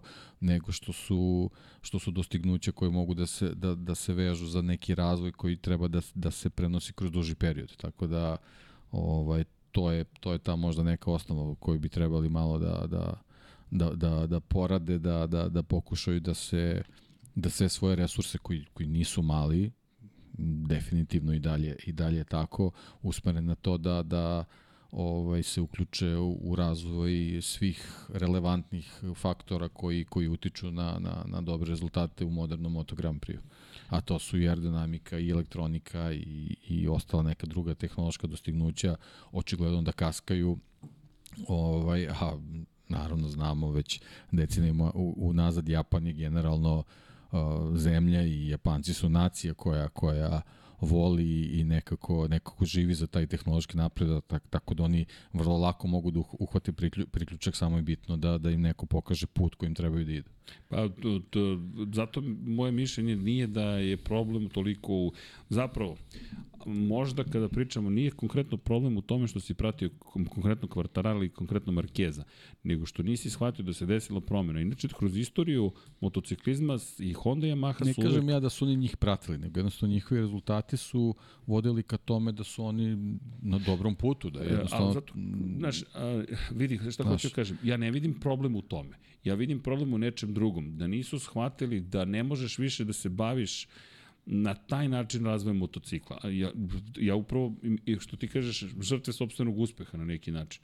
Vidi, ovde sve funkcioniše. Jer, vratimo se u 2019. Zašto bi Honda išta menjala? Dominacija je potpuna. To su pobede za pobedom, titule za titulom, sve tri kategorije. Ti si šampion u timovima, šampion konstruktora, šampion među vozačima. Zašto bi ti da. išta suštinski I kao promenio? imam dobar motor. Da, ali u čega si ga spakovao? E sad, E, ali, to je taj problem. I kreće sofistikacija. Ja mislim da je zapravo u, u, u tipičnom, možda čak je baš e, tipično, italijanski motocikli dugo su bili odsutni van šampionata sveta. Japanci su postavili određeni standard. Ali pojavom 2003. Ducatija nije se suštinski tad još ništa promenilo. Tek 2007. kada smo uveli motore od 800 kubika, mnogo važnije elektroniku, počinje uspesi, počinju uspesi da se dešavaju zbiljnije za Ducati.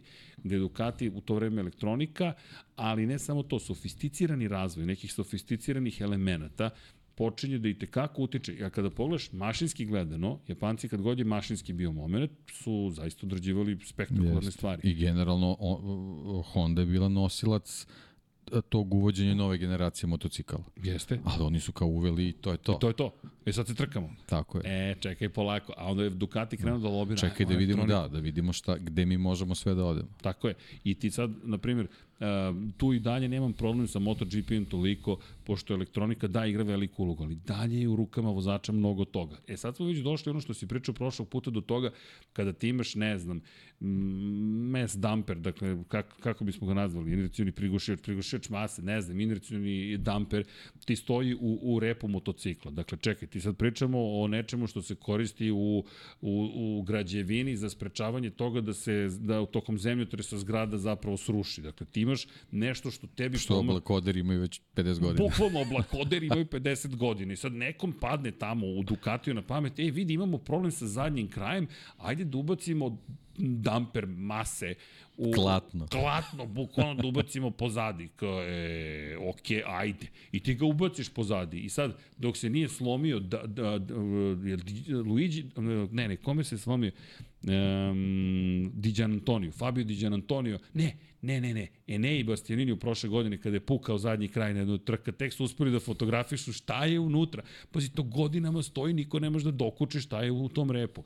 I onda ti vidiš to. Onda ti imaš mehanički sistem koji spušta pred zadnji vidiš da kraj, oni su se bavili kraj. time, a Honda je pokušavala da zavuči izduvnu granu u rep. Pa, bukvalno, e, e, potpuno drugi... Kao, čemu kao, služi rep? Pa, za izduvnu granu. Za izduvnu, tako je, razum, i to je to kao, a mi, E pa, mi smo nešto tamo pozadi ubacili. A to isto kreće u tom periodu sa Jorgeom Lorencom. Zašto ovo sve toliko spominjemo? Zato što bukvalno ima veze sa onim što smo, čemu smo prisustvovali u Saxon ringu, jer mislim da je Saxon ring pivotalna trka iz nekoliko razloga. Dakle, volimo da se pozabavimo trkom, jer to mora da se uradi. Ali mislim da u dubljem smislu je velika nagrada Nemačke 2023. jedna od najvažnijih trka koje smo gledali. Možda to sada ne izgleda tako, vidjet ćemo, možda i grešim, ali sam prilično siguran u ove reči. Ducati je potpunosti izdominirao. Osam motocikla među vodećih deset. Osam ih samo i ima. Sad to da kažem, pa i nema više. Nema više, ne možeš više da uteraš među vodećih deset, jedino da osvojiš svih prvih pa da, jedino, pozicija. Ne, jedino da, da, da je bio ovaj, ovaj wild card, pa da smo imali da je došao i- Piro na tako je, devetu, da. u deveti, pa da, još jedino A to može ostaje. to da se desi. Apropo, samo digresija, Dani Pedrosa u Mizanu Dobro, stiže. da, da, dobro, i da. pričat ćemo, ali Pričat Dani se da. vraća. I ti sad imaš Ducati. Dakle, i mislim da je to mnogo važno, zato što u ovom trenutku ostali moraju da se razbudi da kažu čekaj, ovo je otešlo na neku, ne pogrešnu stranu, ode, ode masnu propast. Moramo da rešamo. I to, ne, to nije kritika Ducatiju, to je kritika svim ostalim. Morate da radite bolji posao. Druga stvar, Ili da se uvede balance of performance. a, Bop. da. Ne bih ja Bop da uvodimo, ali, ali okej. Da, to je na kontu 24 časa Pa da, ali to su recimo neke stvari koji su na sličan, malo drugačiji način se desilo Superbike. Jeste, Superbike, Nije, ograničiš. nije pošteno. Nije pošteno. Ne znam, meni se da. to pogotovo Grand Prix trkanju ne dopada. Ne, ne, ne treba nam... To, Znaš, ako ovde nema, mislim da, da i na nekom rangu kao što je Superbike zaista ne bi trebalo da bude. Ne, slažem se, deki. Te, ti znaš da smo mi čistunci po tom pitanju. Nemojte, su, ne su napravili bolji posao. Pa šta će da natera onda one inženjere tamo da budu bolji ako ne moraju? E, izvinite, izvinite, možete da ukinete. I to je Jack Miller lepo, lepo rekao, neću citirati kompletnu psovku, ali šta, šta hoćete? Vozi, vozi taj motor, ajde da ubacim malo da zvuči ljudski je. Vozi bre, bukvalno vozi. Pa ne, na kraju dana dođeš do toga, šta kukaš više na taj motocikl? Sedi bre i vozi, šta imaš, imaš, gotova stvar. Pa sad, sad svako jutro, znate, moj motocikl ne valja. Pa dobro, šta ćemo sad? Pa misliš, šta, znači sad, odustani od sezone, ne znam, čekaj bolji motocikl. Pa ne ide to tako. Pogotovo u toj cijeloj filozofiji, ti ja smo uvijek imali istu filozofiju. Ne, ne, neću da ih imenujem, ali imali smo kolege koji su govorili, neću sada da pišem najbolji tekst koji bih mogao da napišem, jer je ova tema suviše mala za mene.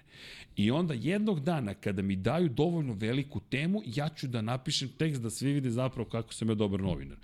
Naša filozofija je bila, filozofija je bila filoz, potpuno suprotna. Neću da izlazim šokiranost info izdijem kao, a, što priča ovaj čovek. Ali okej, okay, tad smo mladi, pa pf, pričaj nešto, neću se baviti time, sedneš i uradiš. Najmanja tema je najveća tema. Inače, pozdrav za Igora Dera, koji, se, koji mi se javio posle 10 godina, neću da citiram sve što je čovjek napisao, ali veliki pozdrav.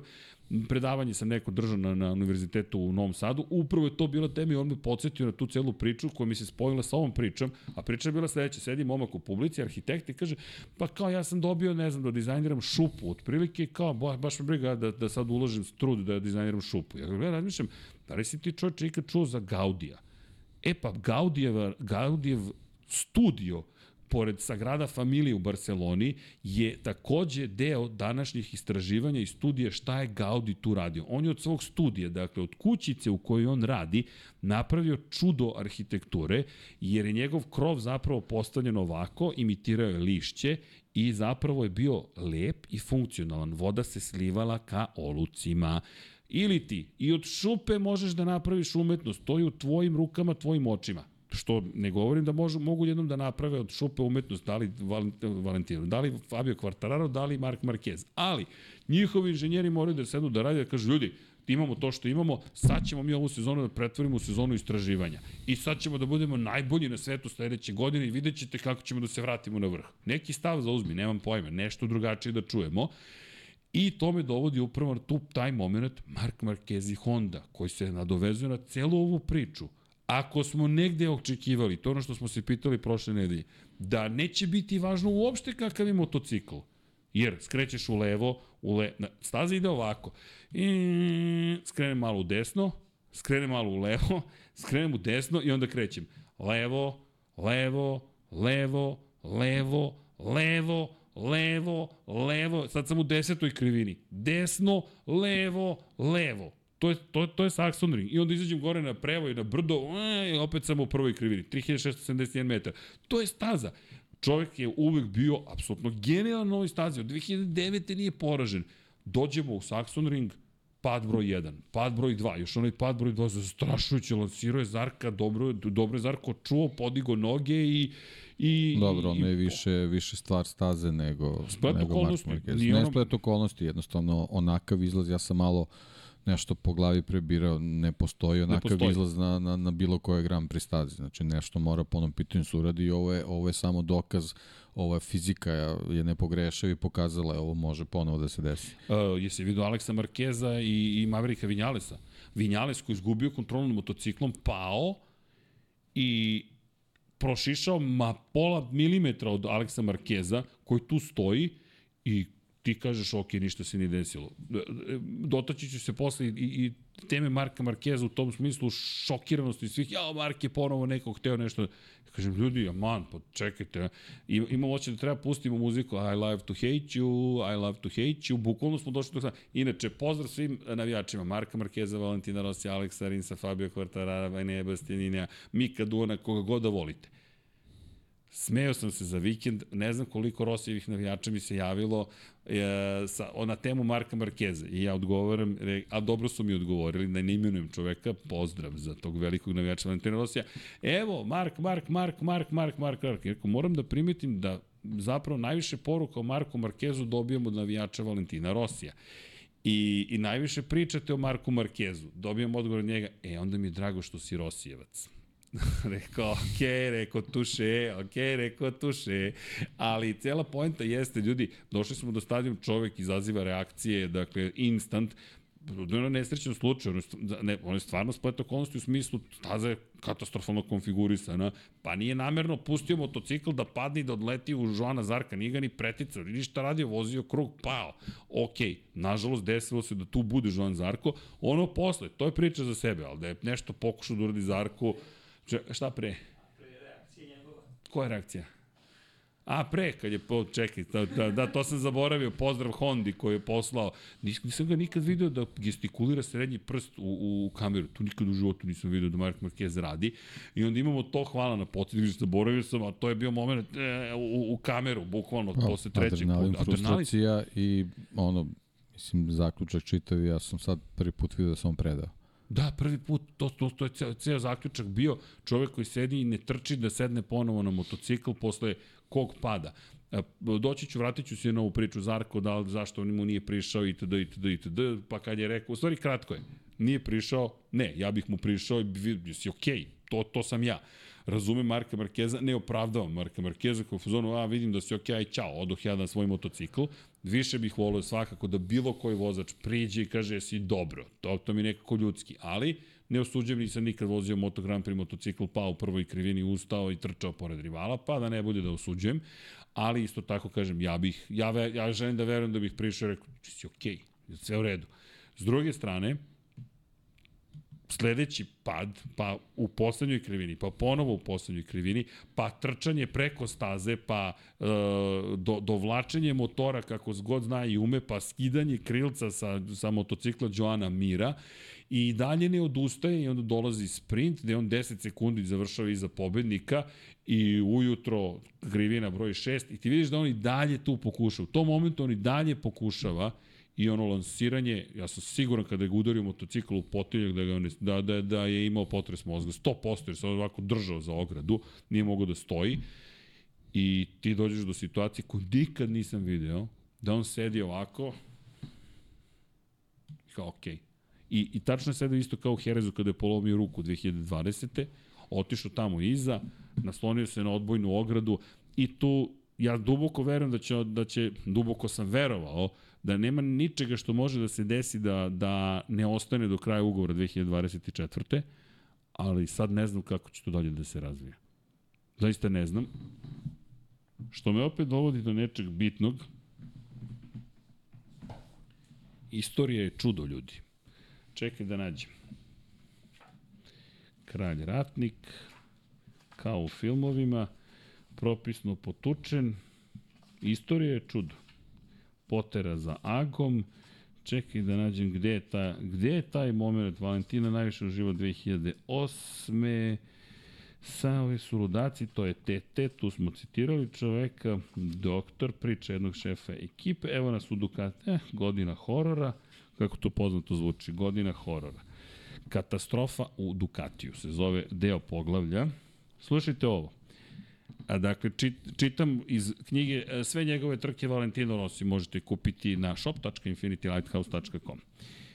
Desmo Sedići je ostao diaboličan tokom celog perioda u Ducatiju.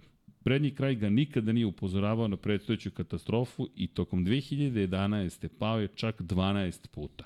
Duplo više nego prethodne godine. Vala je osmislio i frazu da opiše te trenutke dok, od kojih mu se grčelo u stomaku. Zvali smo ih, izvinjavam se, crna jebena rupa.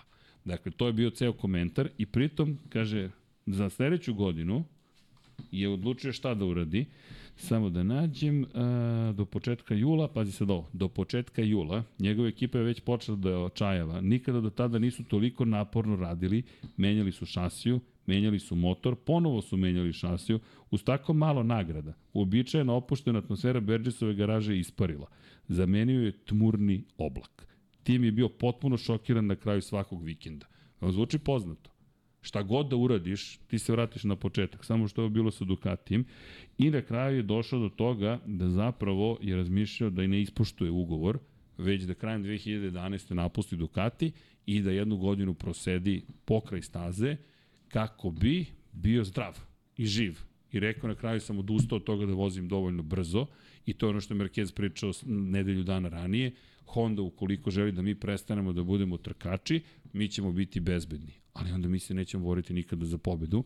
I Rossi kaže u knjizi da je taj moment kada je shvatio da mora da smanji brzinu, moment kada je počeo da se pita da li će ikad vratiti brzinu. Jer jednom kada prestanete da budete trkač, teško je. Zato mi je ovo šokantni moment što ti kažeš, odustao je Mark Marquez. Prvi, prvi put sam ja dobio takav utisak i, dobro, da, naravno, Jerez, ali to je onako baš bila ozbiljna povreda, pre svega fizička, a ovo mi deluje da je više psihička povreda ne, nego fizička i upravo to ako razmišljaš o tome da, da trebaš da izađeš na stazu i da, i da ovaj, preživiš krug ili, ili da, da jednostavno prođeš, da, da ne završiš nekom težom povredom, onda to više nema nikakvog smisla.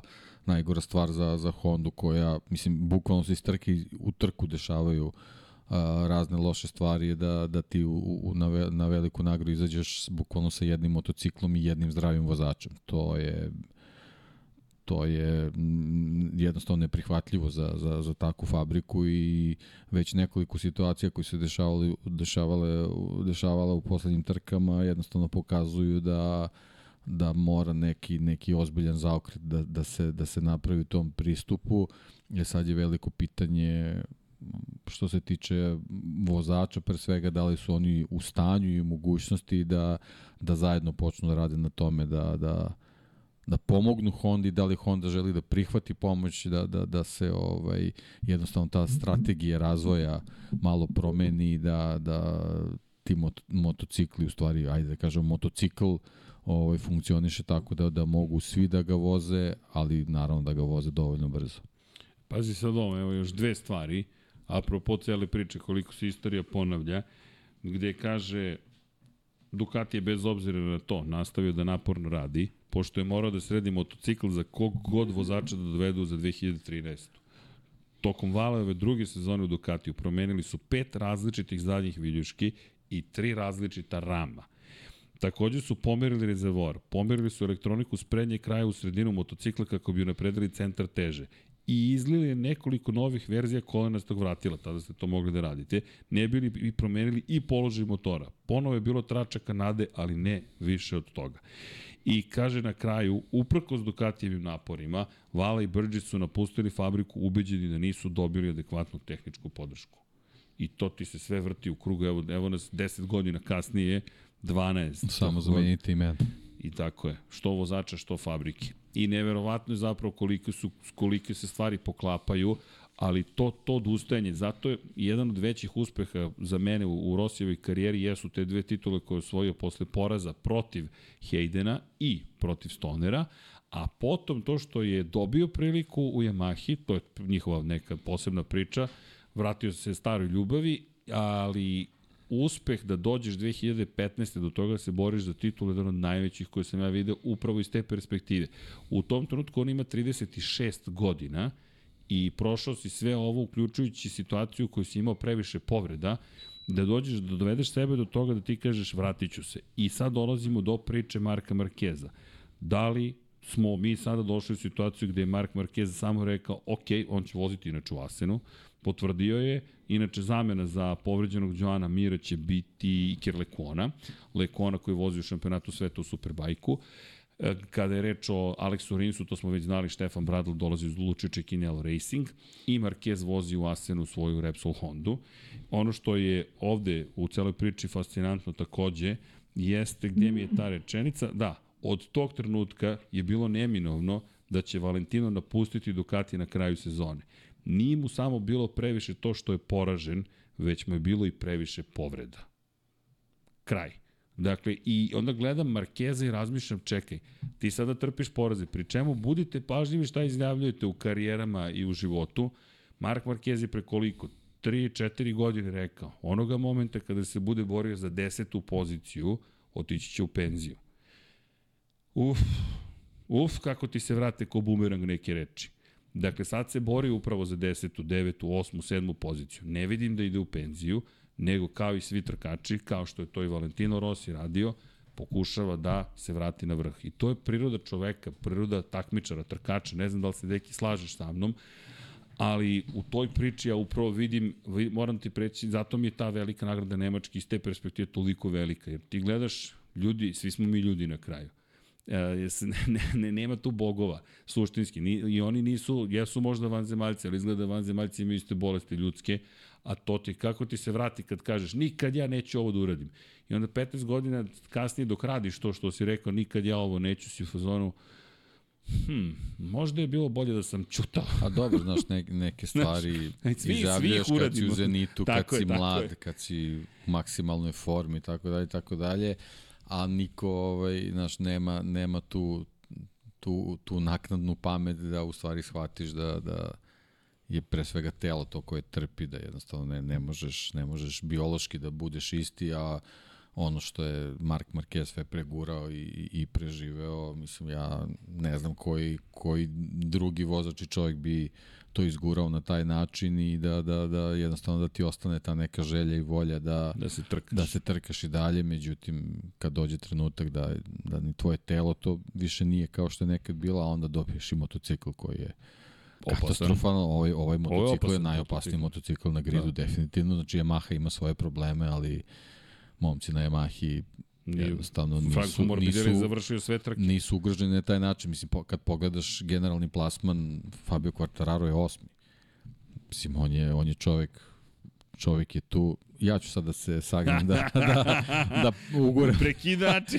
Mi samo pustimo. Obojica genijalaca, čisto da znate šta smo uradili. Daj dvojku miksa, ovaj hit, čekaj, neki izvuci, molim te, dva pecara šamatora. Evo, ovako su došli, pošto imaju poveće stomake i ovako su uzeli i uradili sledeće. Kako se uključujete u struju? Spustiš dole. I sad, to mi smo to bacili ispod i sad nam se gase računari i obojica se gledamo da nije neko prekidač neki Zamisli. klikno.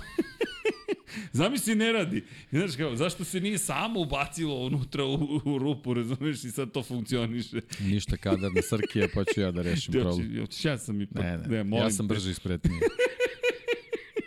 Ali ne, obojica ovako gledamo, kako mi se gasi računar, kad ne, ne kabel ispod. kao neki safe mod. Kap, kabel je ispod, kao čemu je problem, destroje. Gde smo to pogrešili? E, Miksa, nastavi da vežbaš i da vežbaš, veruj mi.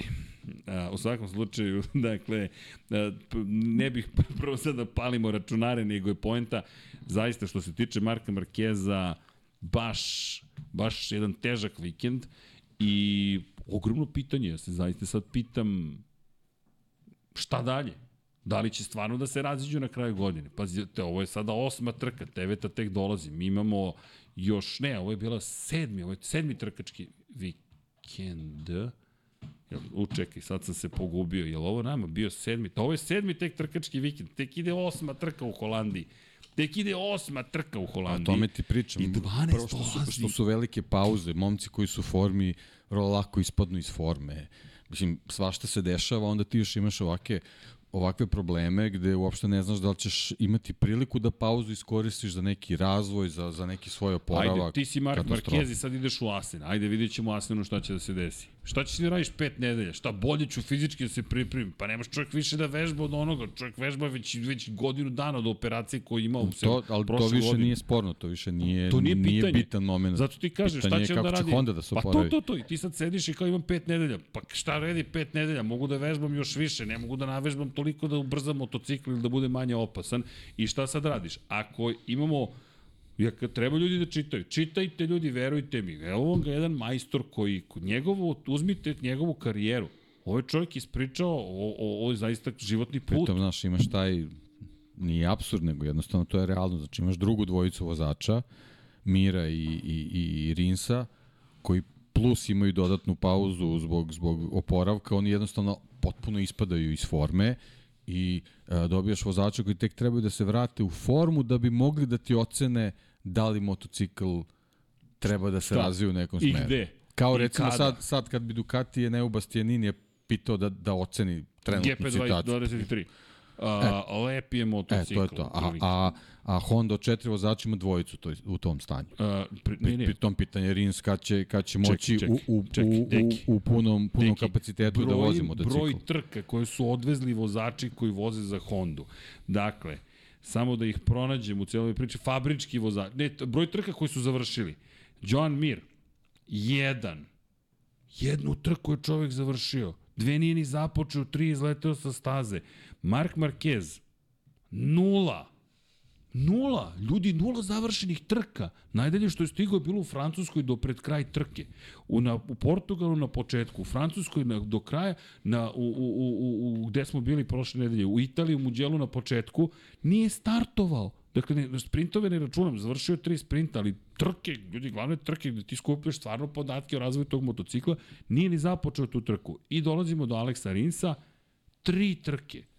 Čovjek je završio tri trke. Jeste jednom pobedio, ali posle toga dve do dvoje nije stigao do cilja, jednu nije započeo i dođeš do Takakija Nakagamija, koji je šampion ovog motocikla sa završenih šest od sedam trka dva puta deveti, to sada postoje već bravo taka. Da, ali to je onda iz cele priče da ćemo zaključak taka, onda više nije trkač. Ti, pa, nije, ja mislim i da nije, da on čovek prosto uživa u Moto Grand Prix i ne, ne pocenjujem šta radi Takaki Nakagami. Ja bi na kraju sezone kući. Bukvalno, ja, ja, ja, ne, ja ne želim, možda, možda ja i Ogura i dobro izabrao što nije potpisao za Hondu. Možda se on čovjek spasao u celoj priči kada je rekao, mm, ja bih još malo da ostanem u Moto 2 kategoriji. Ali, ali u celoj priči šta Honda ima? Šta, a, a Ducati, koliko Ducati ima završenih trka? 1, 2, 3, 4, 5, 6, 7, 8, 9, 10, 11, 12, 13, 14, 15, 16, 17, 18, 19, 20, 21, 22, 23, 4, 5, 6, 7, 8, 9, 30, podataka, podataka, podataka, podataka i podataka. A Honda, kako ćemo? Uh, duva i vetar. Ne, nemaš odakle da razvijaš. A ti u Mizanu imaš test u kojem treba da prezentuješ motocikl za 2024. i da ubediš ne samo Marka Markeza, bilo koga. Šta će John Mir? Treba da nastavi čovjek da pada. Gde ide njegova karijera u celoj priči? Koliko god da se on plaši da mu se ne desi scenariju Pola Espargara i Jorge Lorenza. Jorge Lorenzo posle jedne sezone odustao. Rekao, ja ne želim više da budem na ovom motociklu. On, taj motocikl je već tada bio problematičan. Ali ok, Marquez je u tom trenutku imao sposobnost da upravlja tim motociklom. Baš velika trka. Zaista velika trka. Je neki od najvećih momenta koje smo mogli da zamislimo. I ta scena, dok je on naslonjen na odbojnu ogradu, ja ne znam šta mu je u glavi. Šta razmišljaš? Šta kažeš sada Hondi? Hoću da izađem iz ovog ugovora. Naći će on mesto. Ali je ti to odgovor? Da, da. Novi trač? Da će KTM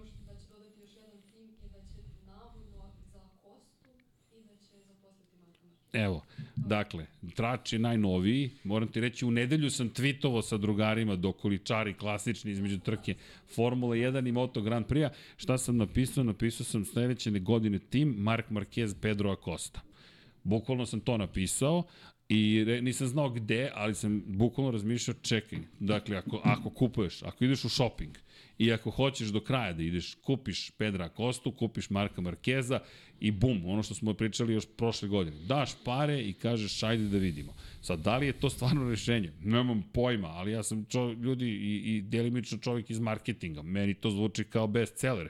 Evo vam dva čoveka koja svi spominjete, što u Moto dvojkama, što u Moto Grand Prix, ajmo da vidimo gde smo. deki, deki pa su zbiljniji u tom, u tom kontekstu.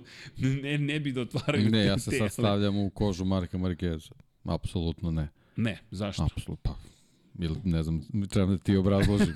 Pa, mislim, apsolutno će se sve da gledati kroz lupu sa, sa drugim krajem garaža. To, to je nešto što mu ne treba u ovom trenutku, okay. apsolutno, apsolutno ne. Posebno da, da, da on uzdiže drugi deo garaža. To, to apsolutno njemu nije potrebno. Deki, njemu, tvoje njemu je potreban tim koji, koji radi oko njega. Mm, koji bi tim radio oko njega? De, de ga vodiš? Koji god. Pa. Ne, ne, ali koga izbacuješ, to je s koga kažeš ti si... Pa, treba ti, pored tebe, vozač može samo da bude neko ko je srećan zato što je tu. Srećan zato što je tu. Dobro. To je to. Pedro Costa nije... Nije srećan što je nije, tu. Pa, on apsolutno ne, ne razmišlja na taj način, pretpostavljam.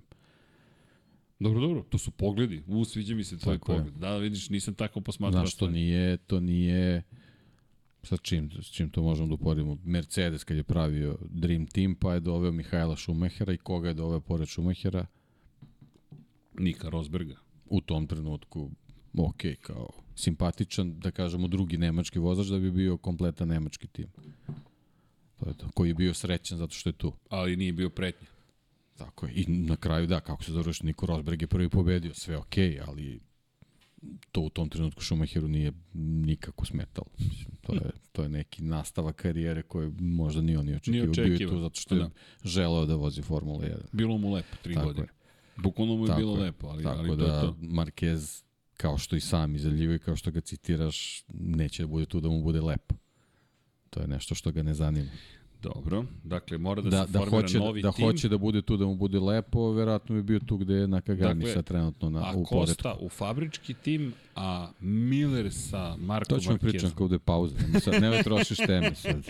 ne, ne, ne, ne, čekaj, čekaj, ovo je sad bitan moment, ali, ali slažem ne, ne, se da stavimo to za pauzu. Preskočio na... Ok, ok, ok, ok, vidi, ali... ali lep, lep trač. Hvala. Lepo, lepo. ali, ali velika trka, veliki događaj, mnogo toga se desilo, to su bitne stvari i prisustujemo potencijalno istoriji iz te perspektive. Jer taj razlaz bi bio tektonski. To bi baš bio tektonski razlaz, da ne govorimo o tome šta onda za Repsol. Ne, ovaj, ovu trku i ovaj datum treba zapisati iz, Definitivno. iz uh, ugla priča o Marku Markezu. Zato što kažem, ja nikad nisam vidio da, da stigne takvo saopštenje da on kaže bukvalno ja se predajem i odustajem od ove trke.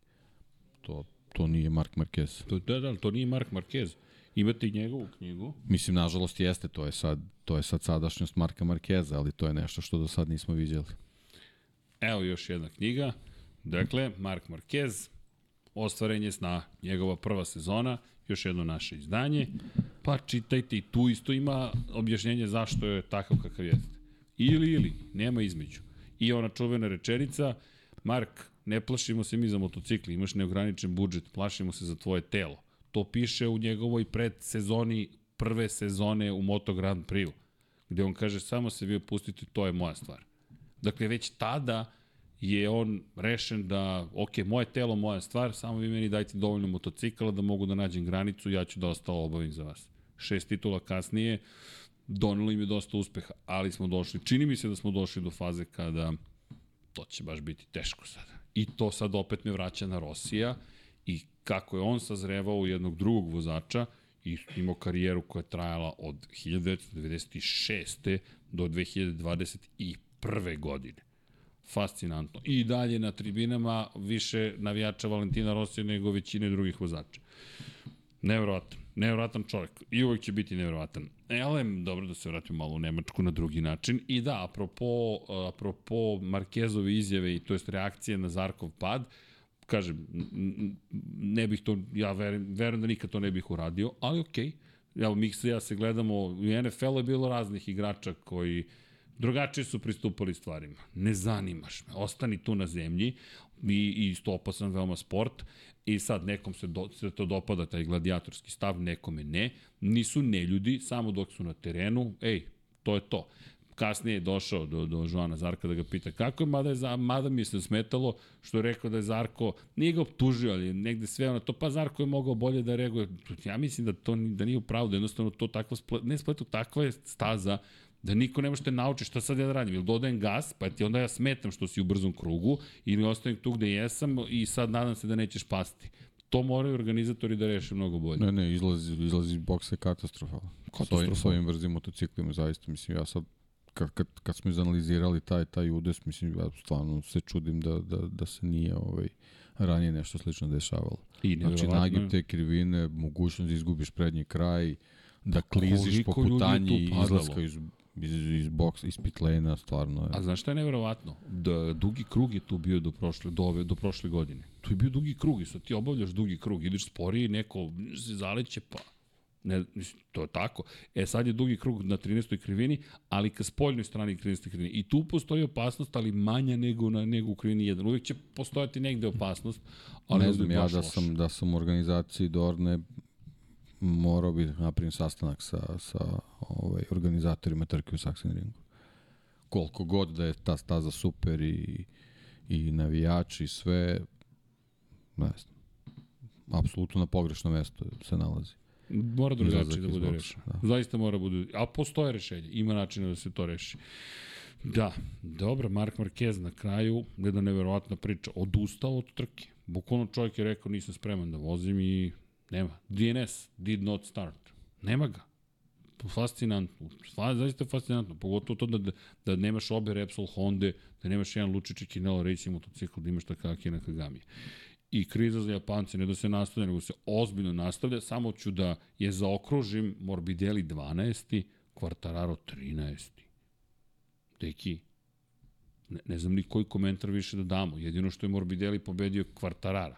Ako eto možemo neki komentar da damo u celoj priči, ja veću krizu ne pamtim. Pa, mislim, Morbidelli, opet pričamo o nekom njegovom mentalitetu, on je čovjek koji, koji koristi ono s čim može da raspolaže, naravno Quartararo je tu da uvek proba da izvuče neki nešto i više od maksimuma i naravno u jednom trenutku taj motocikl više ne služi na način kako treba i, i nekako zbog eto, to proseka krugova na kraju se uvek desi da on završi ovaj, na tim nižim pozicijama. Ovaj, eto, u ovom slučaju možda još nekim iza, iza ovaj, Frankija, što, što u principu samo ovaj, potvrđuje da jednostavno da, da, da se svaki trud ne isplati jednostavno na ovom motociklu. Nema, nema, nema, nema mogućnosti da, da uradiš nešto više. I sad, da, eto, kao što smo spominjali da postoji mogućnost u Saxi eto, postoji mogućnost da se nešto desi u Asenu, ali, ali, ali sa ovim Ducatijima, sa ovolikim brojem Ducatija i ovolikim brojem raspoloženih vozača na Ducatijima,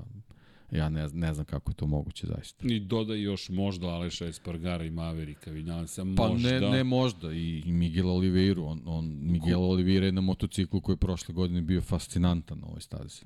I bio deseti sada i rekao da je zadovoljan da, da napredak. Da, dobro, da, pribojeva se samo, kaže, Asen je mnogo, fizički mnogo zahtevnija staza od, od Sachsenringa, ali njemu uliva ovaj, samo pouzdanje činjenica da je Aprilija stvarno prošle godine, ta Aprilija koju on vozi prošle godine bila izuzetna na, na, na Asenu, tako da eto, moramo i njega da ubacimo u tu priču. I Eneu Bastianinija koji je u sve boljoj formi i tako dalje, tako dalje. Tako da, kako, kako tu ubaciti Yamahe? Na koji način? Ne znam, vidi, sa, sa Hondom smo mogli nešto da pričamo. Znamo da se nešto desilo, bio drugi u Muđelu kvalifikacijama, pol pozicija u Portima, nešto se nešto Najgore stvar se. da pričamo o Yamahama kako će biti super ako budu četvrte, pete, to... Ne, ne, vidi, oni su sad zadovoljni ako budu šesti, sedmi, znaš, mi smo došli do tog stadijuma, to je, to je bukvalno katastrofa, mi, mi ovde ne pričamo o normalnim stvarima. Mi ovde pričamo o stvarima koje... Znači, imaš, imaš raspoloženog Banjaju, raspoloženog Martina iz Arka, raspoloženog Becekija i, pa i Marinije. I Marinija. Bastianinija koji se vraća. Čekaj, Fabio Di Gian Antonio je bio među vodećih deset, koji je u krizi. Da, Aleša Espargare imaš, imaš Vinjalesa, imaš... Znaš, ka, kako ti da, da, da, gde da, gde da ubaciš uh, Fabija i, i Morbidelija? Ne znam. Zaista ne znam da Evo, gledam, gledam što, za, gde, gde da kažemo nešto se pozitivno desilo u celoj ovoj priči. Ne, ne, ne vidim, mislim, imamo ovde damu koja navija za Fabio Quartarara. Šta je bilo pozitivno ovog vikenda? Zaista me zanima. Ništa. Znaš, ništa. Q2. Direktno u Q2, da, da, da, da, da. Što je jutarnji trening zapravo u petak odvezao dovoljno dobro da popodne kada je krenuo haos, zapravo je čovjek prošao dalje. Da, mi ti zapravo na kraju dana dođeš u situaciju da kažeš zašto se hvatamo, pa eto, utiše u Q2 deo kvalifikacija. Top. Ok. Da, nema ničeg drugog. Šteta, ali bukvalno, blago rečeno šteta. Ne, ne znam šta bih rekao, čak imam manje da kažem nego za Hondu. Ne znam šta oni da očekuju ljudi. Znaš, u Hondi je tolika katastrofa, ovde nekako su samo nestali. Inače, frapantan podatak, Matt Oaksley to tweetovao, od 1969. se nije desilo da nema japanskog proizvođača među vodećih 10 takmičara u Moto Grand Prix klasi. Od 1969. godine.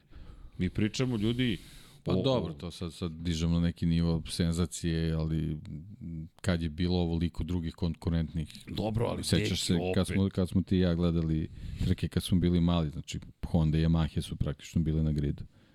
Činjenica, ali opet... Imao, sećaš se, bile su i privatne Honda yes. i privatne Yamahe i Suzuki su bili... Znam, ali da nema nikoga. Ev, Evropa se ta divila tom njihovom, njihovom napretku i, i, i stidljivo su ubacivala u čitavu priču. Mislim, tek je sa, sa, sa, ovaj, sa, tim, sa tim nekim ohrabrenjem koji stigu iz Ducatija, u stvari je krenulo s tim povratkom, tako da ovaj, ok, da, to, to onako zvuči baš katastrofično, ali jaš, svako, svako vreme donosite neke, neke, neke svoje predvodnike tih tehnoloških revolucija, sad je eto, došlo vreme da da odlazimo u svemir sa Ducatijem, Aprilijom i KTM-om. A, čekaj.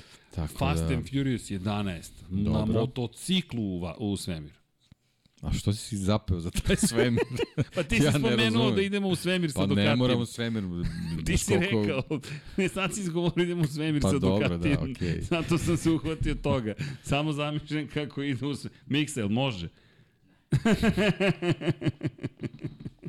Kad smo poslali automobil, pozdrav za naše drugare iz Taramonta. Ali izvini, bilo jače od mene kad si ga spomenuo. Dobro, činjenica da ima vreme, Lopić je šokantno, čekaj. Šokantno, šokantno pa dobro. Da. 64 godine, Shocking. 54, izvini, ne, ne, odnosno 64, malo je mnogo. malo je mnogo i znam zašto to govorim, mnogo nam je to ljudi. Mnogo je kume. Ali dobro, kako god pogledaš, evropljani ne da dominiraju, nego evo, u šampionatu sveta, pa pričemu Fabio se još dobro drži, on je osmi u prvenstvu. Pa to se kažem, da. On završava trke. Znači. Povrh svega. Da on čovjek ima 57 pojena. U prvoj pojena. trećini vozača. Ne, a, a pazi, u, u poslednje dve trke, u poslednje trke ukupno je osvojio 8 pojena. 8 poena u poslednje dve trke, da. dakle 5 i 3. To, to delo je tako zastrašujuće da se pitaš u Asenu, ok, to. Jorge Martin to su u sprintu. to je ta stvar vezana za Jorge, on, on je tako u stvari dobio tu, tu neku, to neko samopouzdanjem da ne mora da, da bude na sve ili ništa taj, taj, taj moto, ta Moto Grand Prix trka, ali on, on ponovo ulazi tako u nju, ali ulazi mnogo koncentrisaniji zato što je praktično bodovi su već stigli u sprintu i on je to tako uklopio da, da, da je to fenomenalno. Stvarno, stvarno uživa u tome, vidi se.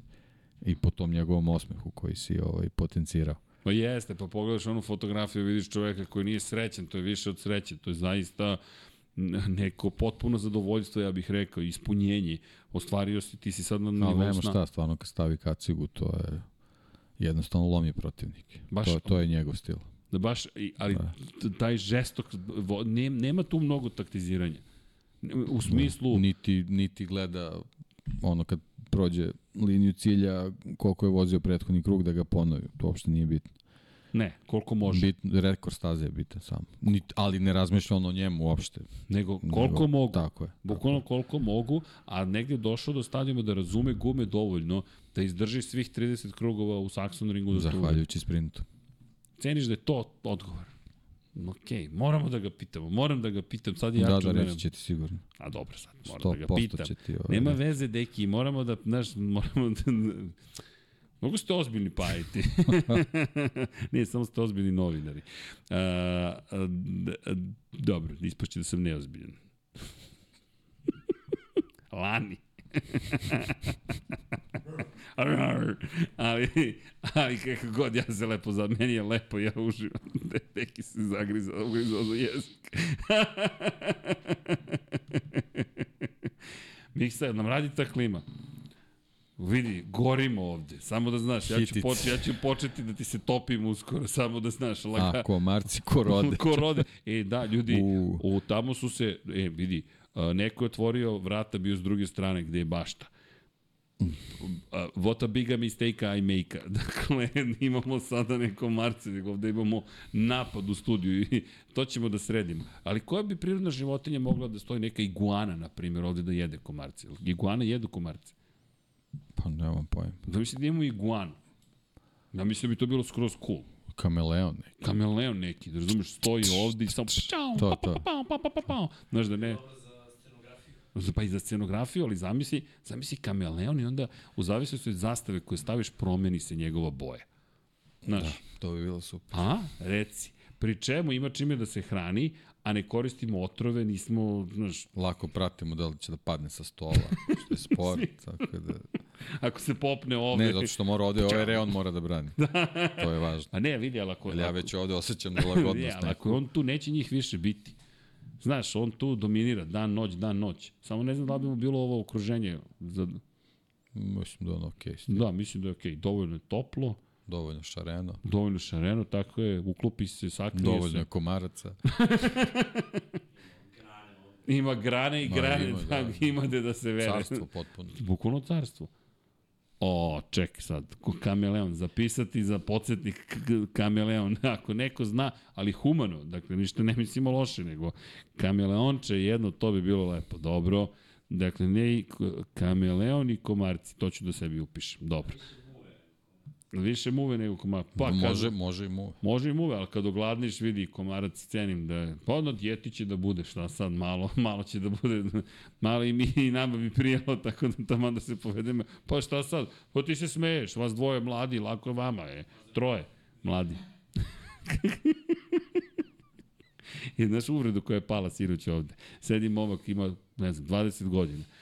I, kada mi je rekao kao, pa za, za Alonsa u, u McLarenu, pa bio oni tada u, u ozbiljnim godinama. gledamo ga, gledaj što ga gledamo, pa ja. Miksa ga je pogledao ozbiljno, ono, dečko, 30 plus, to, to, to su ozbiljne godine. Kako god, otišao sam predaleko, idemo mi nazad, idemo mi nazad, nazad na stazu. Deki, Uh, ili ima nešto dodamo za Moto Grand Prix? Ne moramo da analiziramo sve ili hoćemo da analiziramo sve. E, da Pa nisi pohvalimo. spomenuo KTM-ovce, nisi spomenuo Apriliju. Nisam spomenuo mnogo toga, vidi, nisam spomenuo, znaš koga nisam spomenuo? Augusta Fernandeza. Evo, da pohvalim čoveka, ponovo je bio 11. čovjek osvoje poene u sedmoj trci za redom. Šali kraju, on čovjek samo beleži poene. Evo ga ispred Fabio Diđan Antonija. Ok, Miguel Oliveira neću da računam. Ali bolje je Takaki Nakagamija, bolje je od Marka Markeza, ok, to su specifične okolnosti, ali čovjek je vredan, osvaja poene i baš mi uvod za KTM. KTM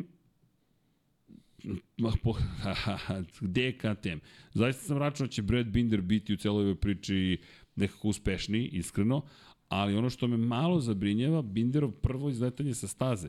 I kao da je Binder došao do granica toga šta taj motocikl zapravo može. Binder ne pada tako često, ovo je bilo ozbiljno izletanje sa staze, jeste završio sprint na šestoj poziciji, pohvale za Jacka Millera, svaka čast, treća pozicija u sprintu, baš je, meni se dopalo kako je vozio, mislim da je baš odradio dobar posao i dođemo naravno na tu činjenicu da, da ga nažalost nije bilo u glavnoj trci, to je da je bio šesti. Ali zaista mi je delo to bio maksimum koji je bilo ko mogao.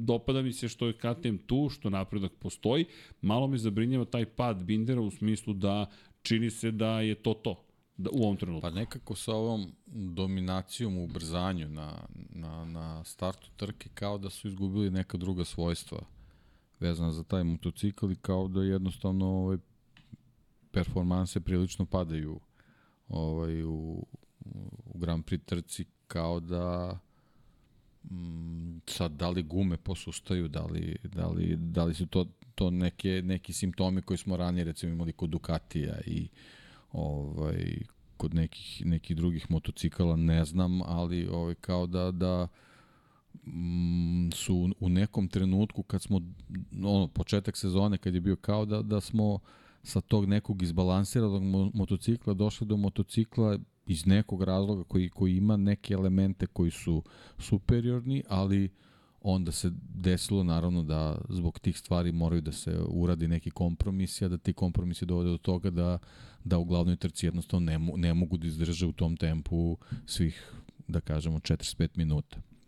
Bez obzira koliko, koliko krugo ima. Da nekih 20-25 minuta je to ovaj, neki, neki optimum gde, gde možemo da ih vidimo u vrhu. Ne, ne znam sad šta je, šta je ovaj kon, konkretan razlog za to, ali ovaj, uh, očigledno da, da, da moraju ponovo da, da, da sednu za sto i da, da, da izbalansiraju sve te ove elemente koje su pokazali da, da, da ovaj, mogu da, da ih usaglase da, da motocikl bude konkurentan i na Grand Prix trkama.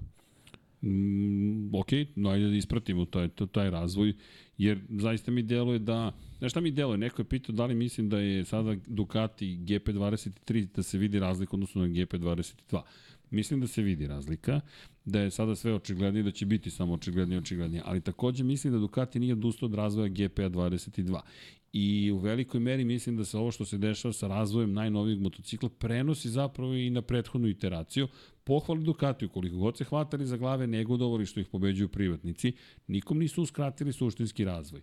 Dakle, dosta se priča o tome da ima motocikl kakav je kakav mu je bio potreban Jorge Martin, ali ne mogu da kritikujem ja Ducati previše zato što, na primjer, nije naj, sve najnovije delove dobilo ekipa pravog Ducati, pa ni, ni to ni poenta. Pa da, ne može da se stigne. Ni da se proizvede, ni da se testira, ali čak i da može ok da fabrički tim bude fabrički tim, nisu im dali nešto mnogo loše, nije ovo loš motocikl, naprotiv, ali mi se sviđa i to, čini pa mi se ne, da se očigledno, prenosi. očigledno taj neki efekat tla koji, koji se pojavljuje na toj oplati koji Jeste. ima ovaj, pramak nije, nije, ovaj, da nije funkcionisao na ovoj trci, s druge strane uh, ti neki parametri koji će dobiti će ovaj, uh, uticati da i da fabrička verzija u, u fabričkoj ekipi uh, bude poboljšana, tako da oni u stvari od toga imaju koristi. Mislim, ne rade to zato što su humani i, i dobre duše, nego jednostavno zato što, što će to imati dugoročni efekat na, na dalji razvoj i e, evolucija koju koristi fabrička ekipa, tako da ne verujem da, da će se to nešto posebno i promeniti, to je samo nešto što treba više da brine ove ostale ekipe, zato što jednostavno taj konstantni razvoj, kao što kažeš, i te, te neke ovaj, starije evolucije dobiju svoje, svoje poboljšanja i ti dobiješ u, u, u VR46 imaš momke koji voze prošlogodišnji šampionski motocikl koji je poboljšan. Mislim, ko će da se žali ovaj, kad dobiju kad dobiju te, te neke elemente, a pritom si u ekipi koja vrlo mora da vodi računa o svojim budžetima, tako da, da ne verujem da, da tu postoji neka ugrožena strana. Meni deluje da, da je Ducati zapravo stvorio ekosistem u kojem možeš da osjećaš prilično dobro u svojoj Pa koži. da, Dalinja i taj njegov inženjerski tim u principu dobijaju uh, sve te neke prstenove razvoja bukvalno na način kako to zaista i treba da se radi sad da li, da li je to ono, pravi put kojim treba Moto Grand Prix da ide, to je sad možda pitanje i za njih i, da, i, i za neku, neku dublju i širu analizu, ali generalno mi imamo četiri ekipe sa Ducatijima koji praktično voze na, na različitim motociklima.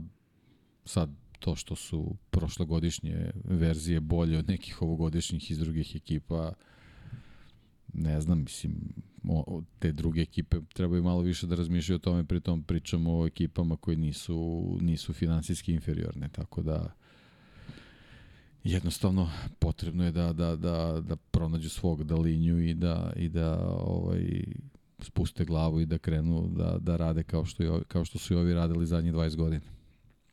Nije ovo ništa došlo preko noći. Pa to je ono što smo pričali, 10 godina poslednjih pridesi se naslonio na ovih prethodnih 10 Sećaš godina. Sećaš se početak Ducati u Moto Grand Prix, bilo je spektakularno, ali mnogo je opasan po život bio. Onaj motocikl, Loris Capirosi danas treba da dobije zlatnu Sete, medalju. Loris, baš su osetili koliko boli taj Ducati.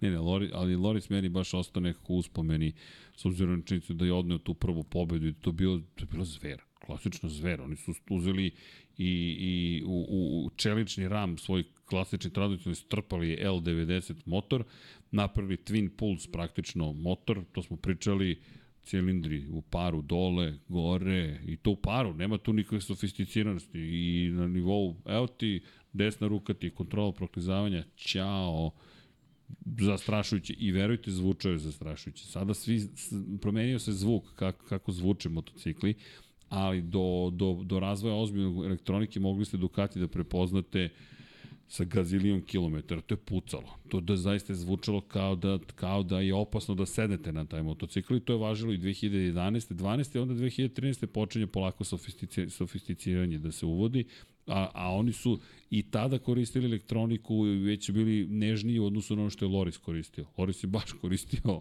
baš je koristio jedan specifičan motor.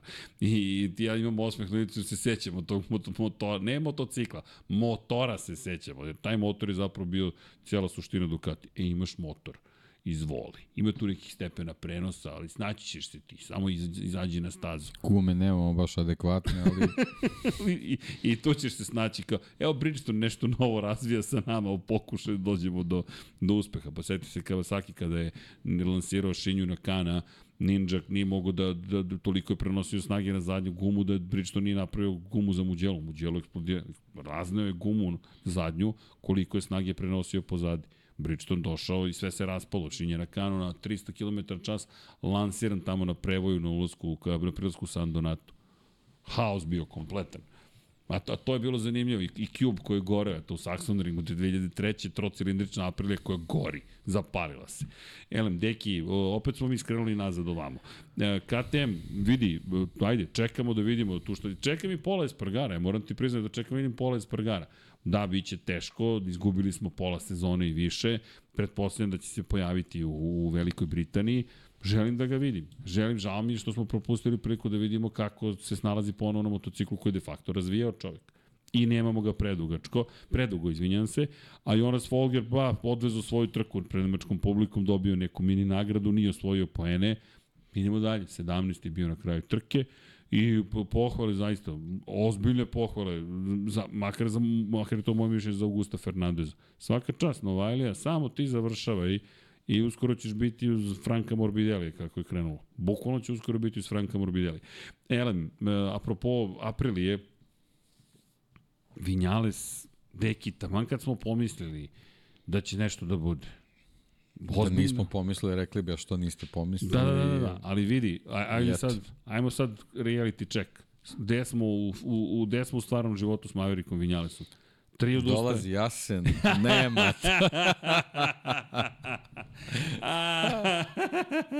Prošle godine je bio treći, da, da. treći bio na pobedničkom postolju.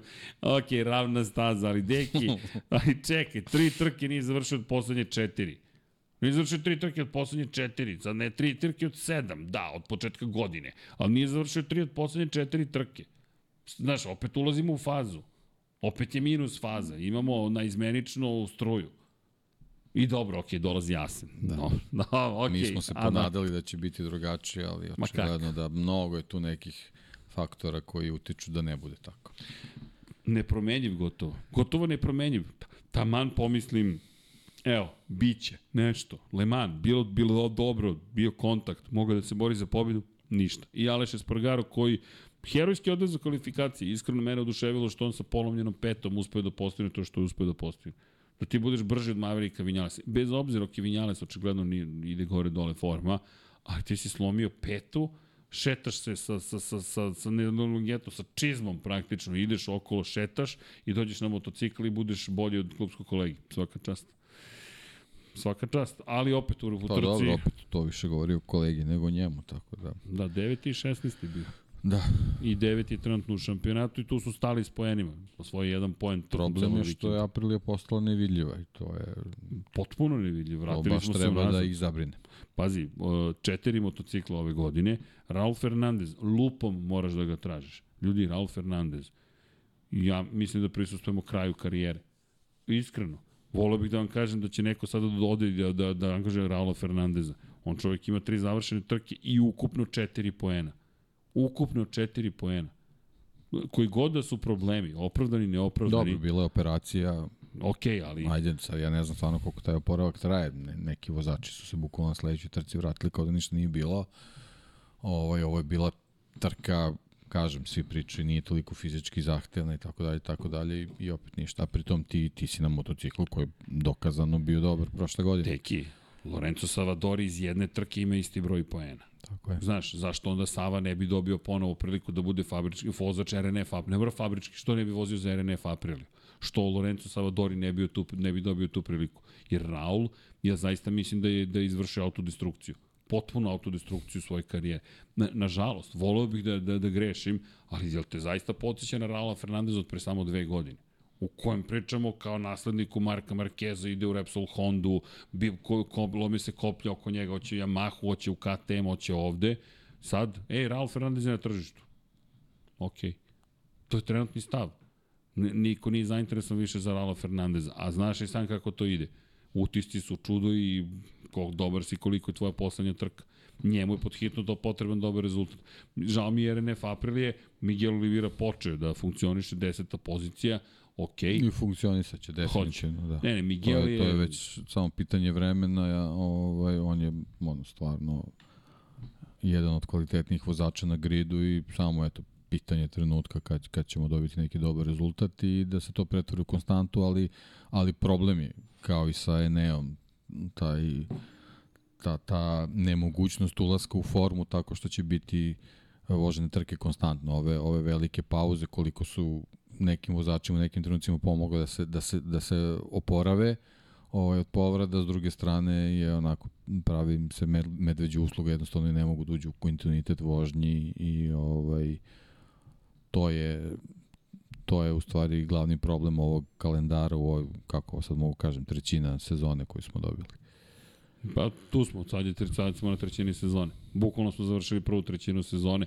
Suštinski mi završavamo prvu polovinu kalendarsku time što ćemo zaokružiti prvu trećinu.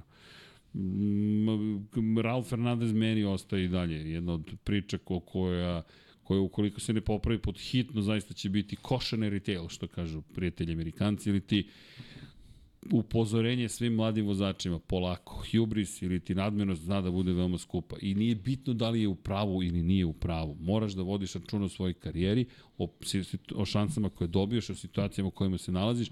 Negde podsjeća, počinje da me podsjeća na Sema Lousa. Došao, nije dobra ispala priča, izbočen odjednom, on, Raul nije izbočen, ali deluje mi da je to pitanje trenutka. Nadam se da grešim, iskreno, ali Raul mi je baš onako, baš, baš ozbiljna priča, jer, kažem ti, neverovatan mi je pad. Ne znam da li se sećaš strmoglavijeg pada od nekoga ko je toliko tražen, uspešan, on je deki u prvoj sezoni bio Pa da, on je senzacionalno u Moto2 klasi. On je nekako ovaj bio u toj grupi mladih vozača kao što sad dolazi grupa mladih vozača koja njega može lako da istisne. Njegov problem je što je što je špa, španac, njih je toliko to da, da jednostavno ta ti talasi koji dolaze jednostavno ne, ne možeš da se boriš protiv njih osim da da imaš rezultate da si u vrhu, ali on je, on je konstantno u, u dnu, pritom sad ja ne znam, ne znam koliko si RNF našao sa tom Aprilijom, ali, ali kroz, kroz ovaj, Miguel Oliveiru vidimo, mislim, ovaj, da, da, da ima potencijala da, da se ostvaruju dobri rezultati, ali on je, on je konstantno zakovan za dno uz neki mali bljesak, ali Ralf Fernandez je potencijal. Ajde, ovako da te pitam, kada, kada staviš, mada koliko god da si hvalio Augusta Fernandeza, možda nije fair pitanje, Raul Augusto, ko, koga bi kotirao bolje posle karijere Moto2 šampionata? Ja bih kotirao Absolut, Raula. Apsolutno. Raula Apsolutno. značajno ispred. Raul 307 poena. Posebno zato što je Augusto čovjek koji studiozno radi na svojem razvoju i apsolutno niko od njega ne očekuje da nešto u prvoj sezoni uradi, ali, ali poenta i sad ne znam koliko je za poređenje, ali a, Augusto je u Tech T trimu koji su i uh, Augusto u Tech T trimu koji su i Raul i Remy Gardner da prilično prošle godine napadali da, da u stvari ekipa ta koja ih sputava u njihovom razvoju i u prvih sedam trka Augusto ima poene u svakoj trci. Nešto ima poene u svakoj trci, pogledaš njegove krugove, pogledaj i bodove koji je uzeo. Nije sad to da je on uzeo da je bio 15. 15. 15. 15. pa... Ne, ne, bio Ne. je četvrti. On je, sećaš se Le Mans kako je to reakciju bila. svetskog šampiona. Toliko je bio Tako uspešan. je. A hoćeš, evo, čitam ti prvih sedam trka Raul Fernandeza. 18. 17. 16. 19. Nije dve trke preskočio ni započeo i povukao se. Odustajanje 21. To je prošla godina. prošla godina i u sedmoj trci u kojoj je vozio 15 i 1 poen. U, u sedam trka. 307 poena je imao Raul Fernandez u svojoj debitanskoj sezoni i jedinoj sezoni u Moto2 klasi. 307 poena. Ljudi, mi pričamo o sezoni koja je toliko spektakularno da, da ćemo je pamtiti. Evo dan danas je pamtimo, a Raul Fernandez ukupno ove dve godine u Moto Grand Prix ima 18 poena. Već sada Augusto ima tri puta više pojene nego što Raul ima za godinu i po takmičenja. Zato i ističem ovo, jer on je potpuno zaboravljen, potpuno Šta je... misliš da li je ovaj, e, Aki izabrao dobrog nastavnika za Pedra Kostu prošle godine? Mislim Da li, da je- da li Augusto prati? Mislim da, da je li, da izabrao... li Pedro prati kako Augusto ove godine radi kroz Moto Grand Prix? Mislim da je izabrao sjajno. Želimo vam lepo ostatak večeri. Doviđenja. Dakle, tim nije ni pazi, dalje izabrao, izabrao je fenomenalno, izabrao je fantastično. Mi, mi pričamo, ali doći ćemo do Aki Aja. E, moram da iskoristim. Miksa, može ona fotka sa, čekaj da vidim da li smo je poslali. Mo, mo, ovo mi je fotka jedna od najboljih koje sam ikad video Aki Aja. Ja se ne sećam i mislim da govori nešto i o, o evo ti još jedan smiley. o, o, o, o, da govori o, o, o odnosima, o ljudskim odnosima, međuljudskim odnosima. Za one koji ne znaju, Aki je finski menadžer za koga je vozio zapravo. Vozili su i Raul Fernandez i Augusto Fernandez, Red Bull KT Majo ekipu Izvini, Moto2 prelazimo na. Moto2, Ne, ne, ne, sad hoćemo, to. to, to, to, definitivno. hvala. ne, ali sam pre toga hteo nešto da uradim. Pogledaj Akija Aja u momentu kada se slavi prva pobjeda u karijeri Deniza Ondžua. Deniz, ljudi, je zarazan. Kada kažem zarazan, čak nije ni bitno da li je u pravu ili nije u pravu. Nije ni bitno da li je brz ili nije brz. Imate te vozače koje volite, ne znate ni sami zašto. Nis, ne ponašaju se kako biste želeli da se ponašaju. Ne rade ono što im govorite uvek da urade. Ne, nisu u, u, u poslovnoj kulturi koju biste vi želeli da gajite ali oni vas osvoje i kupe i dovedu do toga da jedan Aki Ajo, koji je potpuno ravnodušan zapravo, ne bukvalno, on u sebi slavi, dođe do toga da se on penje drugima na leđa i da slavi pobedu, kao da nikada nije njegova ekipa pobedila, To je, meni je ovo jedan od najlepših kadrova, je prava suština fotografije. U jednoj slici da prikažeš tako mnogo. Inače, za mene, heroj ove fotografije, pored Aki Aja, to je ovaj gospodin koji ima frizure koliko i ja, dakle tamo na vrhu što stoji gomile, je onaj gospodin u donjem levom uglu, ako ga vidite, koji viri kao Find Voldo, sa naučarima za sunce, koji ne znam šta, Koji samo želi da bude tu. Samo želi da bude u fotografiji. Za oni koji su na audio platformama ima jedan gospodin koji blago viri iznad cele ove priče. Sa nožarima za sunce, ali on je tu i to je ono što je fenomenalno.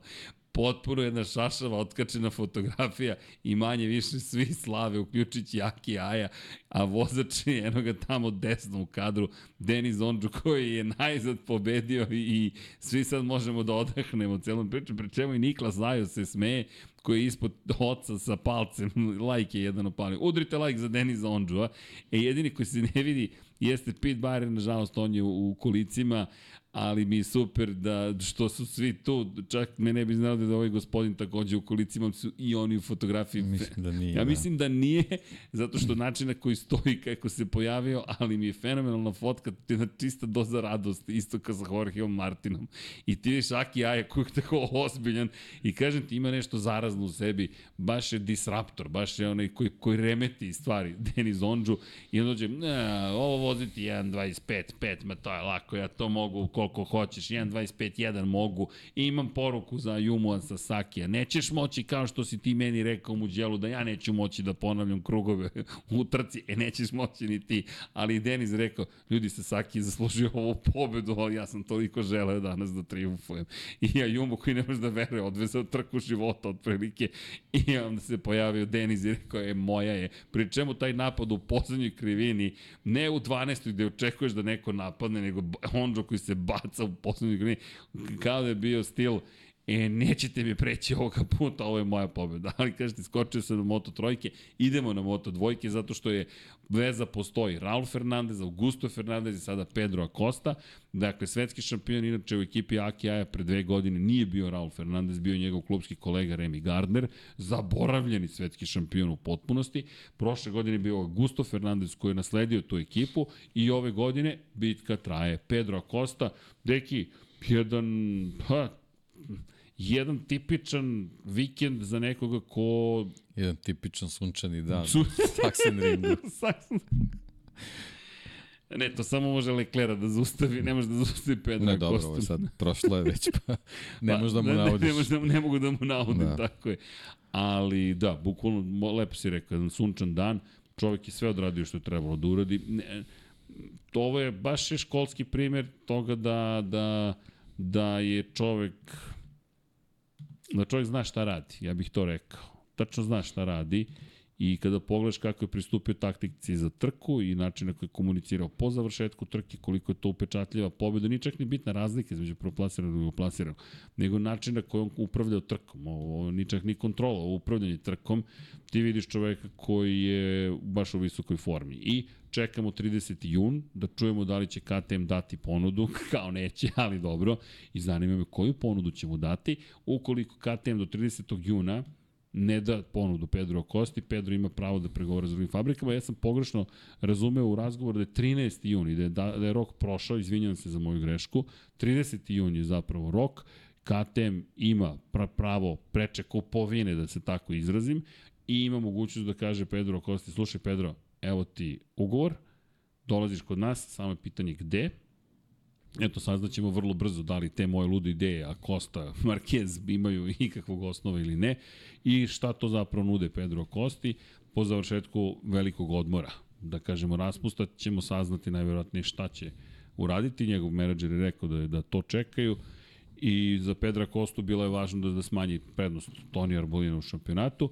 Daleko od toga da Toni nije odvezao neku dobru trku ili da, da sad tu nešto treba zameriti. Da, bila je dobra trka, ali generalno on je nekako olakšao Kosti i, ovaj, i, i posao. Kad se pogledaju ovaj krugovi, a Kosti nisu tu neke, neka sad spektakularne vremena ili neka neki hronometar, ko što ti voliš da kažeš, ali dovoljno je bilo da, da Kosta na tabli gleda kakva je razlika i, i, i da održava tu prednost, naravno da, da ne pravi onu, onu pogrešku da se, da se pretarano opusti, ali znamo da on nije takav vozač, tako da to i ne radi, a sa druge strane, kažem, Arbolino je nekako ovaj, zbog celog tog spleta okolnosti i ovaj, razvoja situacije u trci, ovaj, pre svega mislim na Kanea i ovaj, eto, i, i, i njegov problem koji je imao, jednostavno i on je bio u mogućnosti da ono, kontroliše tu čitavu priču, sad možda malo u ovom trenutku smeta ta, ta, ta, ovaj,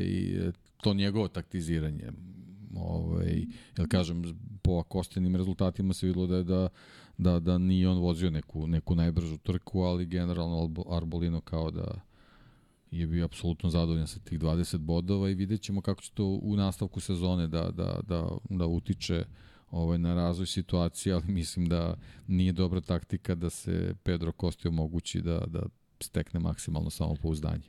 Da, to, o tome smo pričali, ako se sećaš i pre Buđela, ali ti si, ti si bukvalno prepoznao šta će Toni Arbolino da uradi.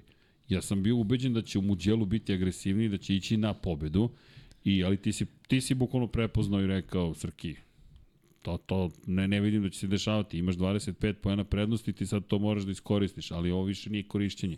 Ti sada da, već ovo, počinješ... Ovo nije bila prilika da se, da se radi ista stvar. Tako, tako je, da... tako je, tako je. Mislim, ja se slažem s tom i ono što je problem je što on zapravo prebrzo to nekako dozvoljava. Kao da kao da je ili u kvalifikacijama ili na početku trke već stvari se završavaju. I mislim da ta rezervisnost, da se lepo rekao, baš može biti skupocena ti ćeš dozvoliti kako sada stvari stoje možda tri pobede za redom da. Pedro Acosti u momentu kad imaš taj trailing trka jedna druga treća. A problem je što što ti sad imaš dana. imaš prednost u plasmanu samo zahvaljujući tome što je što On Kosta nije završio tako je. ali Kosta ima četiri pobede već.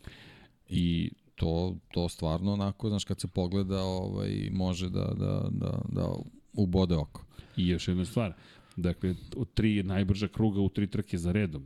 Pedro nije neko, možda nije najspektakularni tempo koji smo videli, ali on je taj koji diktira tempo koji će se u trci voziti. Tako je. On je taj koji, koji govori kako stvari stoje i da nije bilo tog pada u Francuskoj, tih 20 poena, kao što si rekao, ko vodi u šampionatu sveta, vodi Pedro Acosta.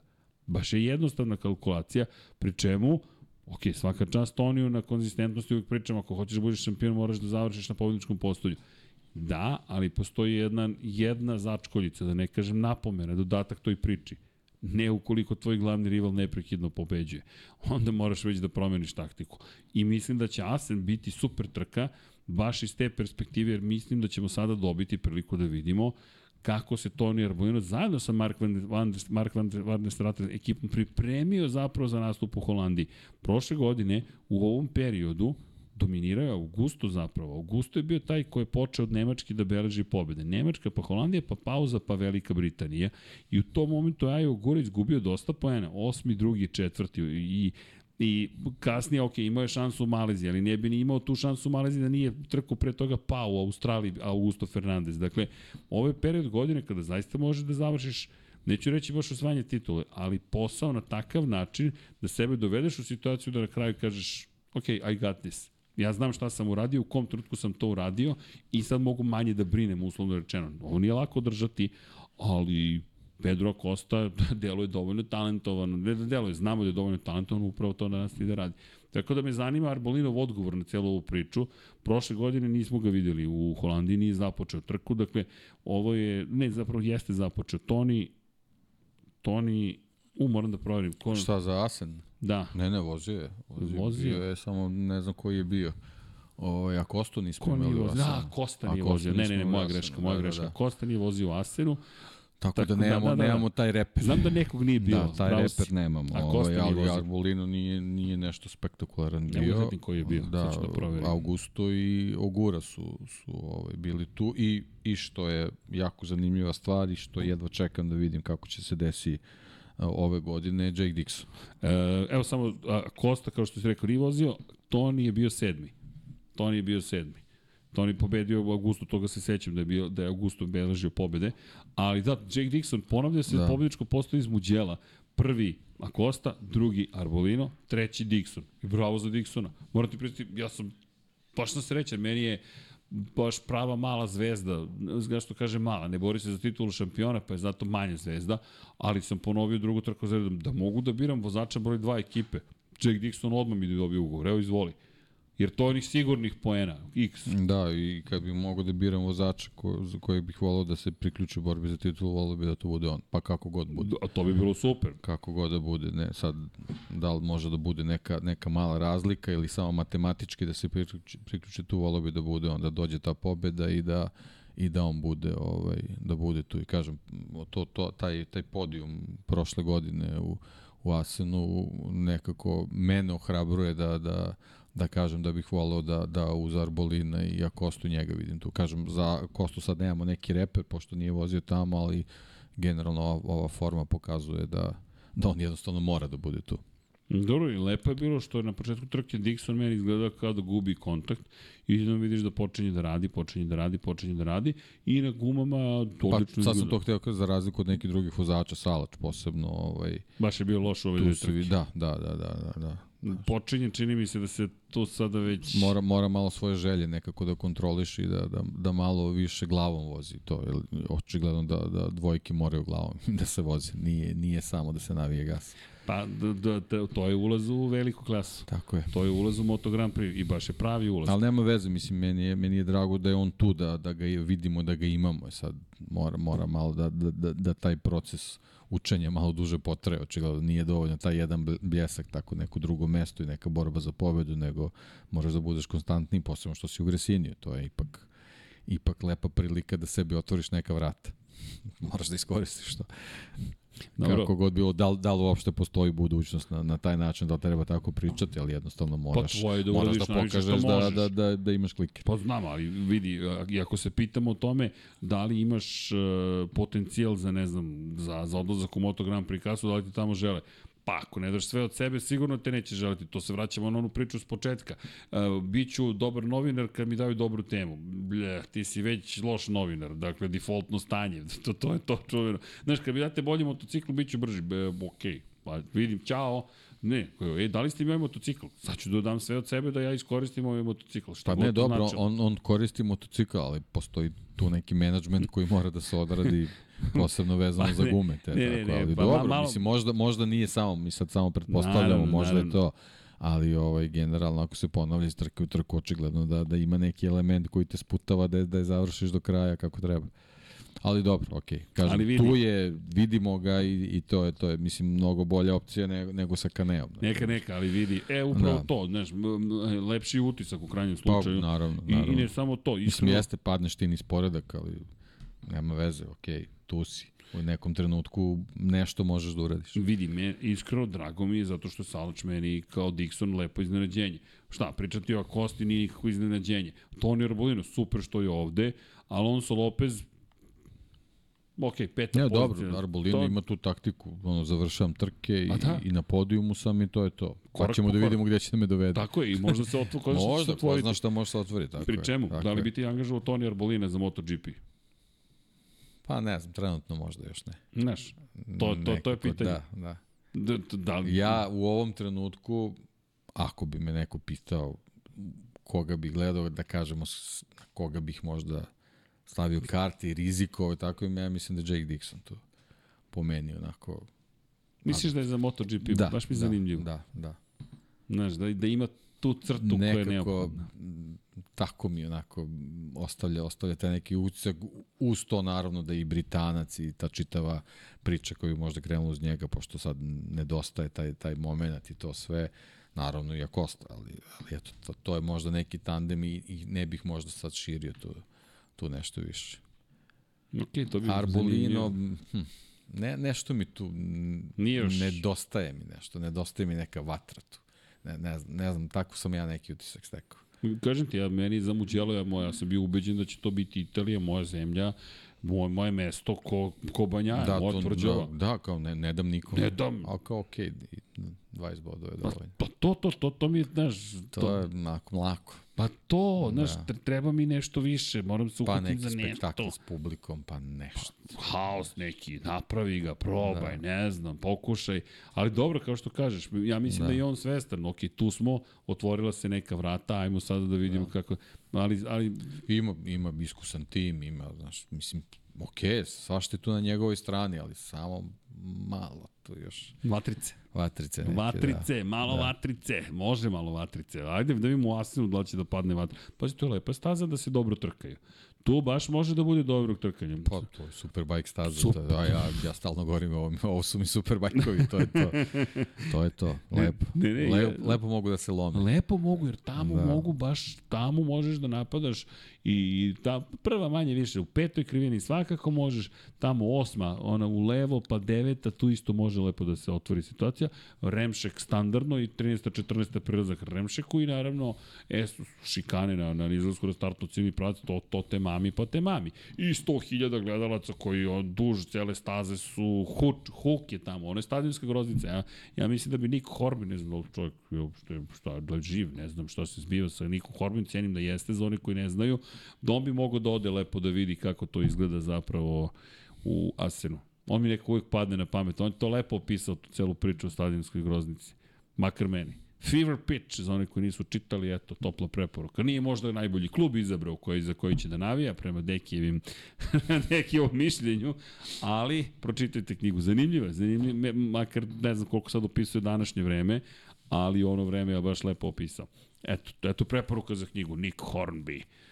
Ako niste čitali, eto, pročitajte, priča upravo o tome, kakav je to osjećaj otići na stadion, šta je to što te mami nedeljom da odeš na stadion, čime god da se baviš u životu, koliko smo svi isti Kad kada... si poslednji put bio na stadionu? A to ni, ne, no, govorimo o Britaniji, vidi.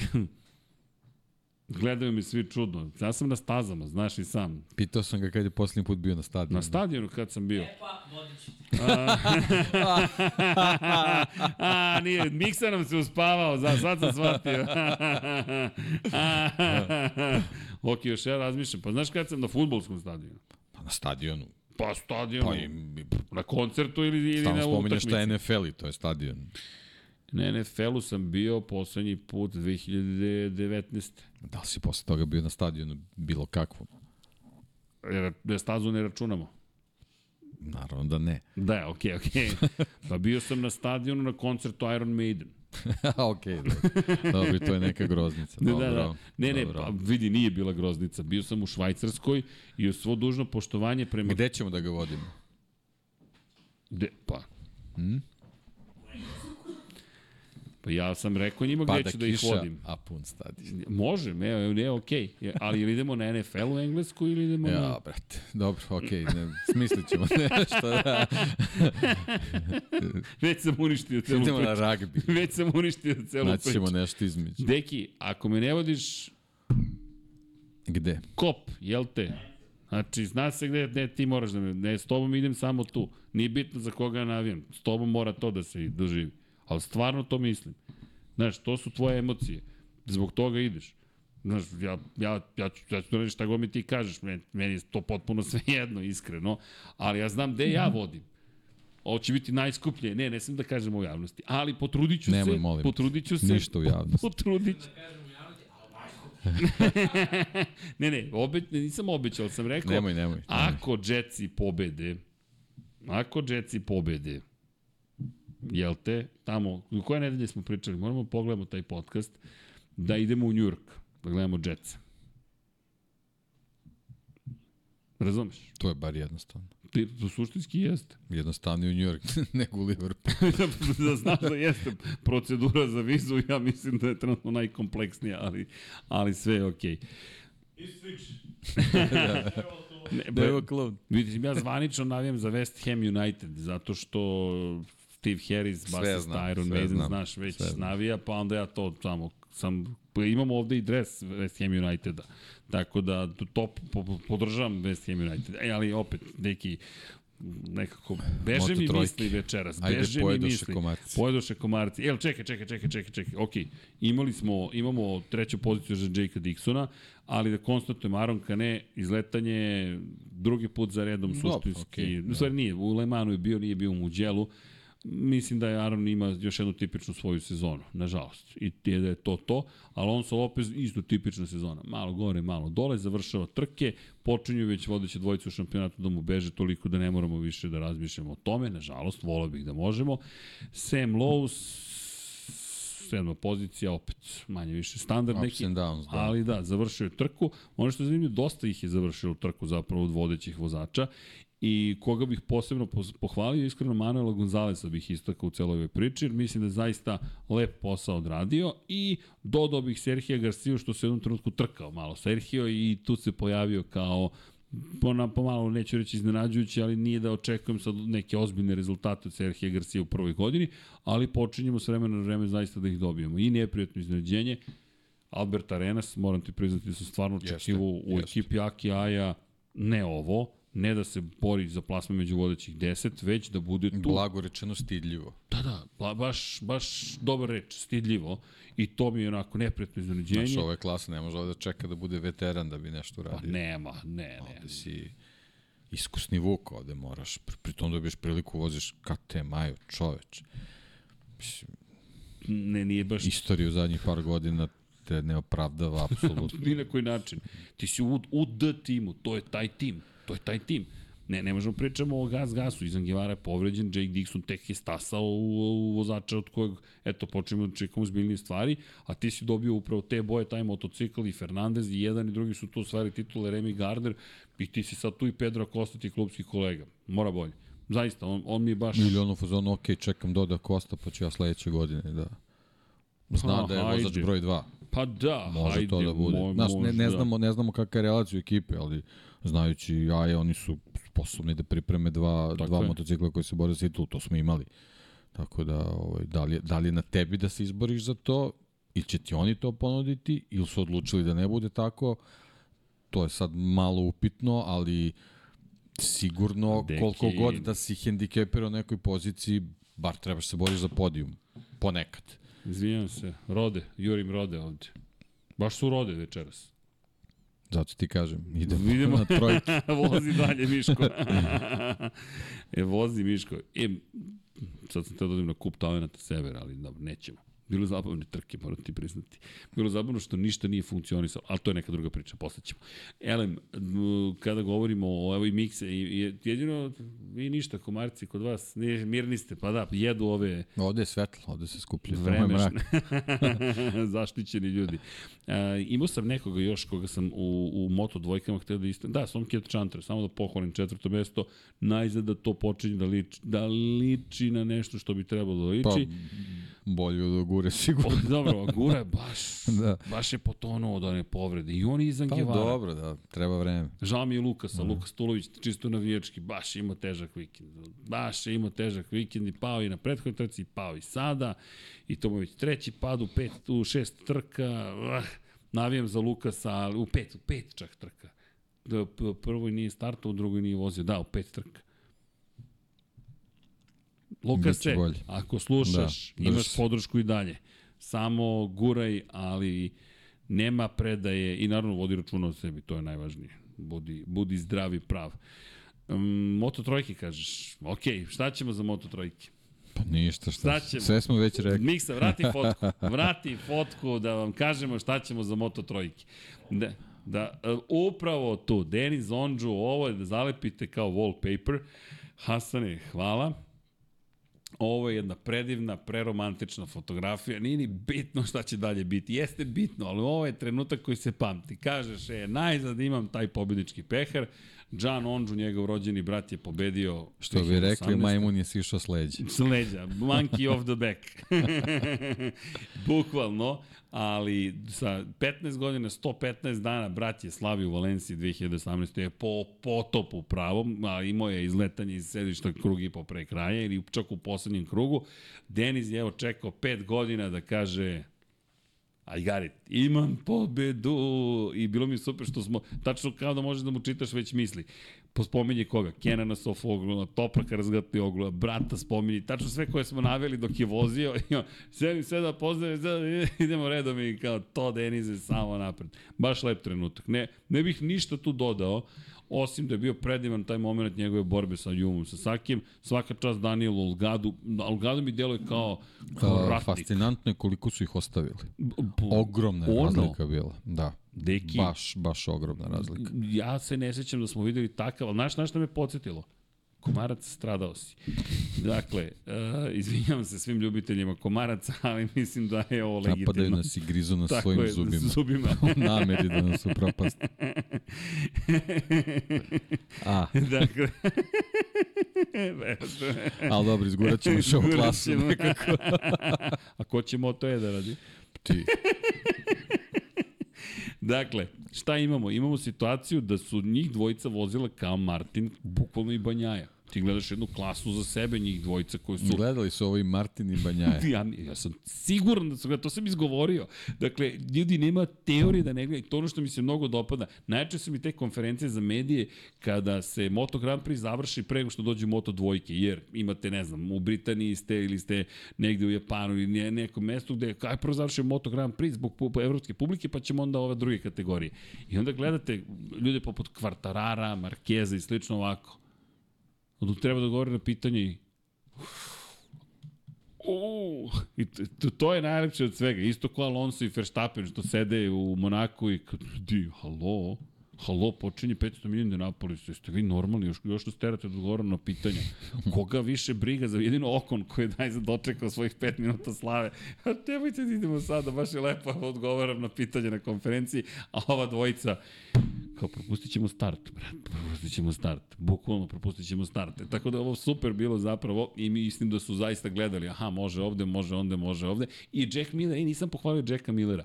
Miller kako je lepo Banjaji zatvarao prolaz, ba, ideš sa spoljne strane, na spustu ka dole, a Miller koji gurne motocikl tačno do kraja pasice, pa ti sad vidi da li hoćeš da ideš ovim putem, ja te teram na zelenu, pre čemu tamo teram na zelenu? I da, Zarka nismo spomenuli, izvini ono laktanje sa Bredom Binderom. I, a, ti si lakt, ali pazi, ono je old school. Zarko je, Zarkos je star mali. On se rodio star. Šta to, dakle, šta, sa bradom. Sa bradom, bukvalno. Dakle, Zarko i u svojim papu, u svojim kroksicama se najsporiji čovek u celom padoku osim kada se na motocikl. I ono što je rekao Markezu kao odgovor na, na, na optužbu, da, da je on mogo, da, da je on zapravo odgovoran za incident, rekao je, lako je mene napadati, ja sam Dobrica, ali ne može tako, ne prihvatam. To i Zarko zna da odgovori ali mi je najbolje od svega Zarko koji je bio ljut na Bindera što ga Binder zakače na početku trke. I onda je čekao poslednji krug, krug sprinta da malo potkači u 11. krivini Breda Bindera. I gledaš čoveka kao, čekaj, Za, sine, sine Zarko. Ne, ne, ali baš ga je odučio. Odučio, odučio ga je od svega. Ja mislim da mu je rekao, vidi, nikad više ovde ko Gandalf, you shall not pass. Dakle, baš je prošao tamo sa 11. krivinom i onda je to školski onako izveo bez kontakta u sledeće. Tako da ima osjećaj da je taj kontakt bio zapravo mm, blago planiran da se desi, ali Zarko, skidam kapu, šta je učinio. Elem, Elem. Elem Moto trojke. Nisi dugo rekao Elem. Elem, okay. e, neko mi je rekao, sam, neko mi je rekao da može da se uštedi ne znam koliko para zato što govorim cenim tokom e, prenosa Formula 1 sam za vikend govorio pre trke cenim da, cenim da, cenim da, cenim da. Pa su mi re, da, da, to nisam očio, nemam pojma, ali mi neko tweetovo, rekao sam hvala, kaže, moja gospođa kaže da možemo da se obogatiti ako odvojimo malo para za svako tvoje cenim. Rekao, dobro, potrudit ću se, ne znam da sam izgovorio. No, Elem. No, evo, no. e, a, znaš da je Luka dobio majicu Elem? Pošto i on govori Elem, Luka Spasovski, onda su mu napravili Elem zapeta. Dobro već. I vraćamo se, vidiš, izbegavam na reč, vraćamo se na duel između Sasakija i Ondžua, prelepo trkanje i fenomenalan tempo. Desetka za obojicu, da, nema šta. Baš tako. Drago mi što je Jumu ponovo u onoj formi to. koju ima na početku prošle godine i, i Kreće. želim da ga, da ga vidimo ovako iz trke u trku. Imaju Možda je sad malo bio razočaran, ali mislim da, da, da treba da bude ovaj, pre svega srećan zbog tempa kojeg ima. E, mislim da ova sezona je imala potencijal, sada ne znam da li će se to desiti, da bude sezona 2013. Olgado, Sasaki i Onđu da se bore iz trke u trku, iz trke u trku. Sve je super sa Ivanom Ortolom četvrti, vrlo lepo četvrta pozicija. Međutim, vidimo pad forme Dioga Morire, vidimo da Alonso kao Novajlija super vozi, ali ima tu još da se uči. Morira je, mislim sam to već i rekao, brze staze zbog motocikla, to je, to je priča s njim. Mislim da, da nije, nije konkurenta na, na ovim stazama profila Saxon Rinka. To je zanimljivo. On čovjek, kada pogledaš, spomenut ćemo i drugog u šampionatu, Jaume Masio, ali KTM, Honda, KTM, Husqvarna, to je KTM, KTM, KTM, sve su KTM-ovi, ali Moriri kao da, ne, ka, ajde, baš me zanima ta teorija, kao da nešto tu, ne, ne, se kao da, moj utisak je kao da zapravo je, da, neću reći baš dosekao maksimum, ali da je ovo maksimum za sezonu. To je moj utisak, kao da je početak bio super i ako nema dalje sad nastavka, kao da ne može da se vrati gore. Jer, znaš, deseti si bio u Herezu, pa si odustao u, u Lemanu si izleteo, sedmi si u Muđelu, sedmi si ovde. Ok, Muđelo je specifičan uvek gužva i tako dalje.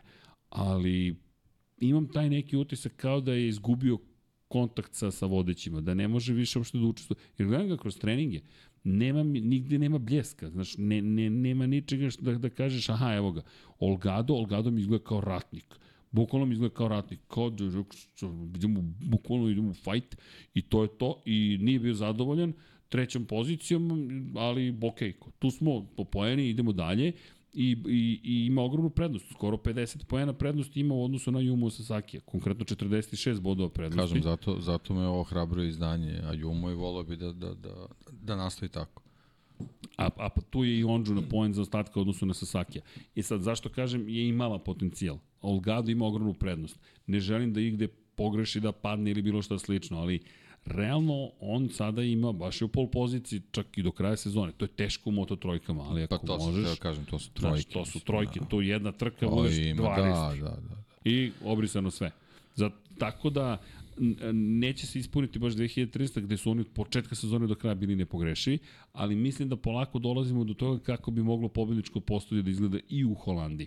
E sad, pet nedelja pauze, to je nemoguće predviđati. Zaista, nemam pojma ko će, se, ko će šta da radi na letovanju koliko god vam delovalo Pa da, da, su oni- ali oni imaju mogućnost da treniraju. Tako, nije, ali- nije problem. ali šta, da god, šta provode. god da voze, pa je, naravno, pa mladi su, Tako i treba. Ali, Mišići. kažem ti, lopte u vodi, tako. ali vidi, to koliko god delovalo smešno, to se dešava ljudima da odu na, na, na, na, na, na letovanje. Ne, ne, da, ne verujemo.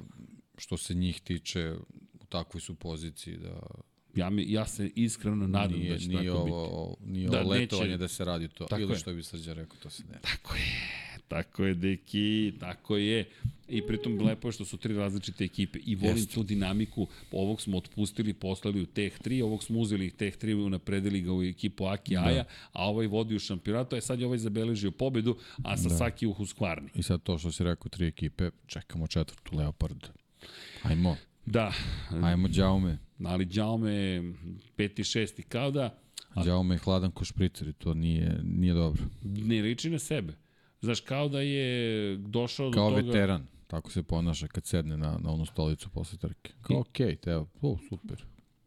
A, znaš šta mi se čini? Namesti šiškicu i to je to. Kao da je taj moment koji, koji su tražili od njega, završi trku, doveo do toga da sad više se neće da mora i da bude brz.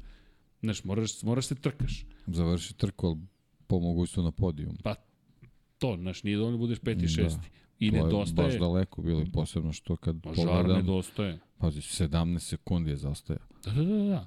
To je baš van tempa svakog. Mi ne pričamo ovde o tome da, e, ok, Pritom mogu... pogledaj, sad sam u stvari tek i video, oni su bili 1, 2, 3, 4, petorica, ajde kažem čak i šestorica vozača u sekundi. Znači to, to šesto mesto je moglo deseto da bude bez problema.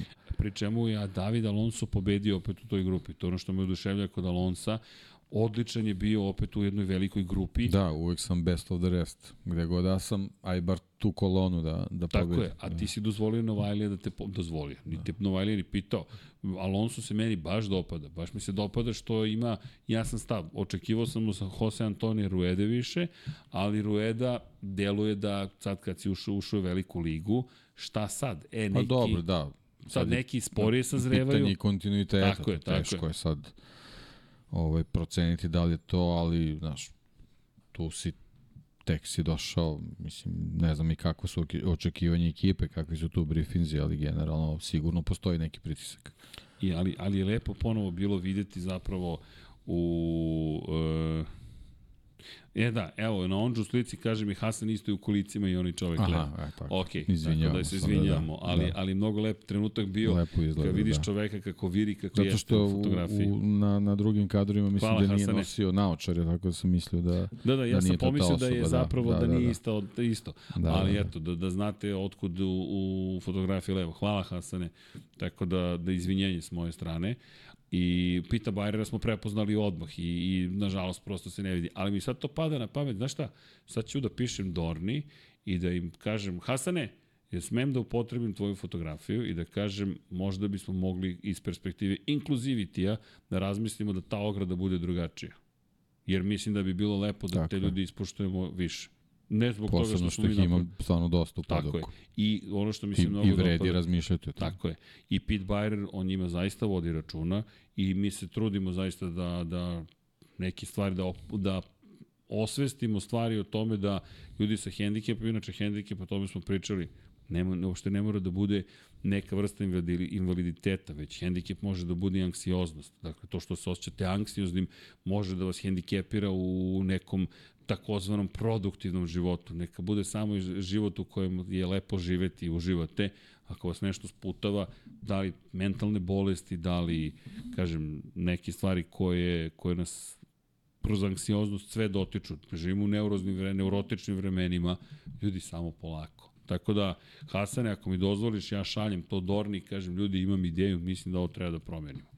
Eto, da pokušamo da pretvorimo ovu situaciju u nešto mnogo pozitivnije nešto pozitivno. Tako da, Hasane, kad budeš došao od ovde, mislim da Hasan sa, sa kašnjenjem sluša zapravo podcast, tako da pozdrav za našeg Hasana Bratića, e, koji, kažem, bio je, u, bio je sad u Saxon ringu i ne znam, nadam se da će, da će ići i na druge, na druge trke, lepo je prosto videti njegove fotografije sa lice mesta, mnogo je lepo i mnogo lepo ima fotografije zapravo iz Asena kada se spuštaju dole ka vodopadu, pa u Park Fermeo, tako dalje, tako dalje. Ali dobro. Pa dobro, to me domaća staza. Da, bukvalno domaća, domaća, domaća staza.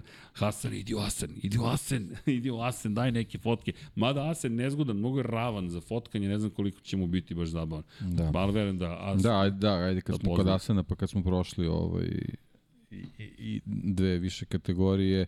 Uh, Sasakijeva pobjeda je prošle godine bila u, u Asenu, tako da Jest. ja navijam za to malo, malo da se malo začini. da se stvari, Pa da ja. se začini malo ta, ta čitava priča, tako da... Ovaj, pa dobro, bilo bi lepo da... Bilo bi lepo. Bilo bi da. lepo da pobedi, pa da kažemo, ok, pobedio je sada i Ajumu, znaš, menja stvari u šampionatu i onda da dođemo u poslednjih 12 trka sezoni da kažemo, ok, ovde je otvorena bitka, ali mislim da će svakako biti otvorena, ono što si rekao, kako god da, da se okrene situacija.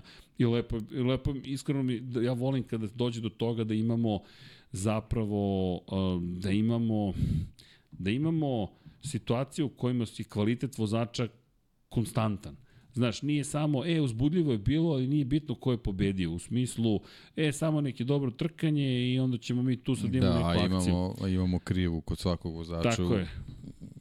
Više da. volim kada, kada je to, grupa, postoji određenih vozača koji su vrlo kvalitetni i onda mi dođemo i kažemo, ok, znam da će trka biti neizvesna, ali isto tako znam da ovi vozači će biti na tom i tom nivou. Volim da vidim te zapravo situacije u kojima uh, kvalitet zaista ispliva i gde možemo da razmišljamo o tim ljudima i za budućnost. Drugo, nešto želim da vidim sada, apropo Asena, želim da vidim Ondžua u situaciji u kojoj se sada nalazi. Ok, sad imaš sigurnost pobede iza sebe. Sada si ti čovek koji je koji je potpuno opušten po tom pitanju. Nemaš ti više kome šta da dokažeš. Ti si sertifikovani, ozvaničeni pobednik, osvajač trofeja, velike nagrade u šampionatu sveta u motocikli. Uzmu. To, to je To je, to ti je neotuđivo, to je tvoje. Dakle, pobednik kad se uđe 2023. u Nemačkoj, Denis Ondžu. Ajde sada da vidimo Asen, pre čemu je pucao od samopouzdanja Ondžu. To ono što je mene oduševilo, njegove izjave u poslednje vreme su kao da je čovjek osvojio 10 titula šampiona sveta. Ne da vam kažem, ja to lako radim, vozim ovaj tempo, vozim ovako, završam ovako posao. Ti se kažem, čovječ nisi još pobedio, ali možda njemu baš bilo potrebno to da on bude ono što jeste. Možda to, to, to bih volio da pitam, jer Niklas Ajo prošle godine, kada to ponavljam često kad smo pričali sa Ajom mlađim, je rekao, pa šta je naš posao? Da se bavimo psihologijom vozača. Znaš, mi namestimo motocikl, ali psihologija vozača, to, to, je, to, je neka, to je neka druga potpuna stvar. I Denis Ondžu sada kao pobednik, ajde da vidimo, Ayumu Sasaki kao pobednik prošle godine, Olgado kao vodeći u šampionatu i u celoj salati da li imamo neko potencijalno iznenađenje. Ivan Ortola, dve pobede, tu je, bori se i Ortola da postane neko ko je redovno u celoj priči.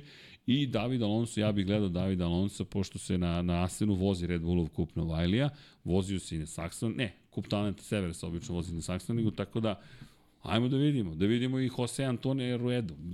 Generalno imamo, ja mislim, da imamo lepe trke pred nama u Asenu. Nismo ga previše najavljivali, zato što je bilo o čemu da se priča iz Saxon ringa. Inače, spomenut ću samo na kratko Moto je kategoriju i na kratko samo ću da spomenem da, da, da spomenem kup talenata Severa, zato što zaista bih volao da, da ispoštujem te momke i, i da ispoštujem to što rade, pošto i Dorna, moje mišljenje, nije ispoštovano na adekvatan način. Jordi Torres inače bio prvi i treći u Moto je trci, opet zabavno trkanje, Hector Garzo, Eri Granado, aha, aha, poslednji krug, da, svaki put pomislim na tebe kad je Eri Granado u pitanju, znači, uhodnim se za glavu i razmišljam, čekaj, evo ga na točkovima, znači, završava i kao, završava, ajmo Erik, završava, ajmo Eriče. Da, da. I kreće prva krivina poslednjeg kruga ja, Padam u depresiju. Bukvalno razmišljam, a ti si pet puta, pet miliona puta rekao, vo, gledajte, ovo je super vozač, super, i stvarno je super vozač. Jeste. Potpuno ne neuračunjiv, deki. Čemu? Ti si tu, ti si drugi, treći u najgorem slučaju. Propustio si prve dve trke sezone, počeo si da pobeđuješ, da završavaš trke, treba ti poena, tre, potrebni su ti poeni, Pa čovjek sposoban sam sebi da uzima pobede i titulu. Bukvalno, ja, je, ja nemam reči. Ali brzinu da posjeduje, da, Da. naravno, ali Da, neverovatno. ne vredi. Jedan od najbržih, ali bukvalno Jeste, ne vredi. jeste, jeste. Ne vredi. I onda gledam Hector Garza. Dobro, Garza imao taj jedan moment gde je malo bilo napeto na ulazku u krivinu. Inače, italijani super agresivni. Ne znam ko je bio agresivniji. Mateja Kasede i dalje Kao bio... komarci. Bukvalno. Ali ja kad ja gledam, razmišljam, Kako mi čekaj, izignorisu miksa, znači, Kao komarci, a? A ovo ne prati. nije čuo uopšte. to, to. Da, da, evo, komarci ko rode. A, to je jedino što ja mogu da vam odgovorim apropo te teme, ali, ali inače Kasadej i, i Spinelli, super agresivni, blago rečeno. Međutim, iskusni Jordi Torres, ono što je meni fascinantno u celoj priči, Jordi Torres 2013. ovde stajao na pobedničkom postolju i izveo čuveni knee down. Za one koji ne znaju, to je bila pomama te godine.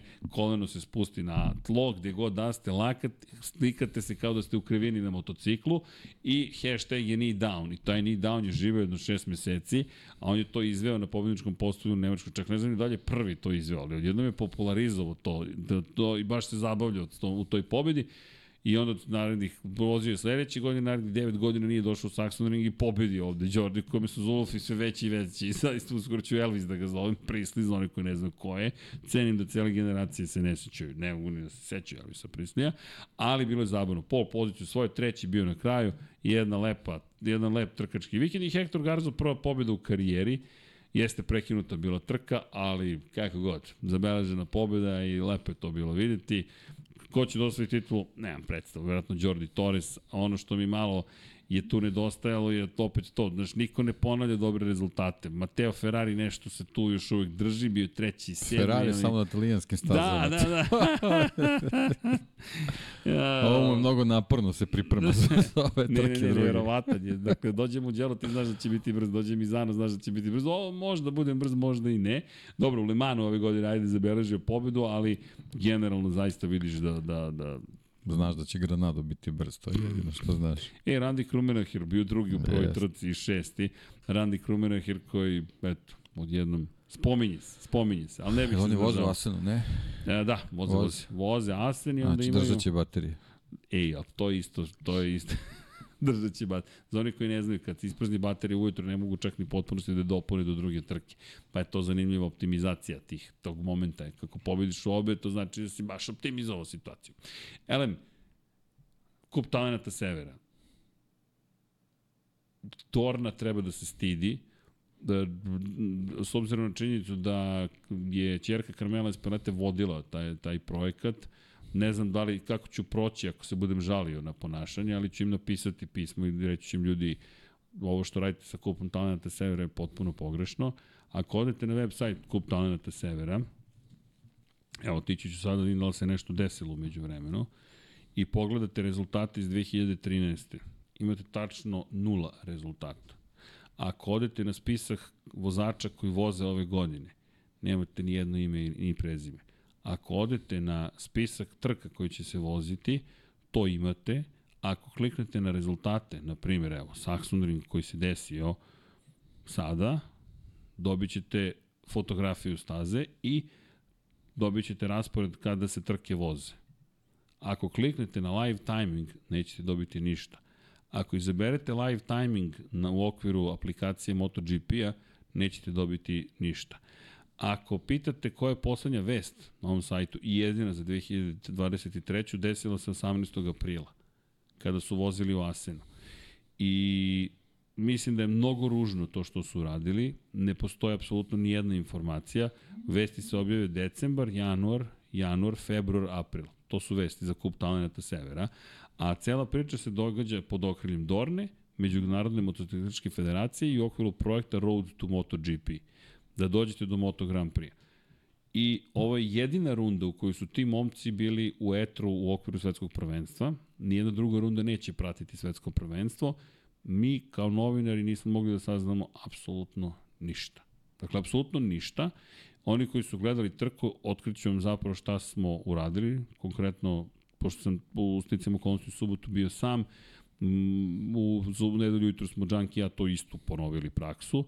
Dakle, pojento je u sledećem, to, to znaju kolege koje prenose tako, lige koje nažalost ne vode računa previše o sebi i pošto nemate spisak vozača, dobijete kadar pred početak trke i vi fotografišete TV.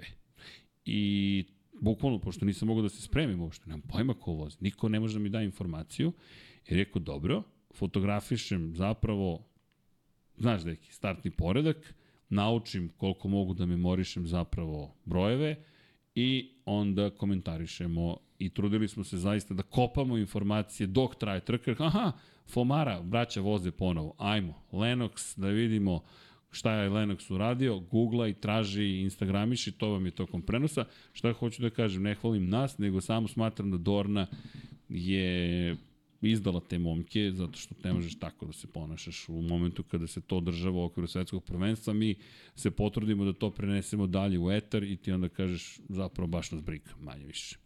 Tako da samo hoću da istaknem te ljude koji su bili, inače Lennox Fomara je pobedio u prvoj trci u Saxon ringu, to je bilo baš lepo videti i imali smo Roka Sesslera koji je zabeležio pobedu u drugoj trci, Roko Sessler, Keanu Shaw, Julius Frelsen, oni su pobedili zapravo u drugoj trci, u prvoj trci smo imali pobedu Lenoxa Fomare, uz njega je bio tu zapravo uh, Antoine Nativi iz Francuske, ne, Antoine Nativi bio, prostite, na trećoj poziciji i na poziciji broj 2 je bio, ne, pobedu oteo Vince Martin. Martin Vince je pobedio, a Lennox Fomare je bio na poziciji 2.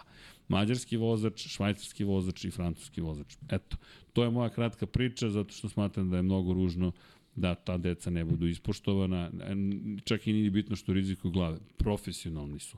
To je dovoljno da neko kaže, čekaj, moramo da ispoštujemo ove momke.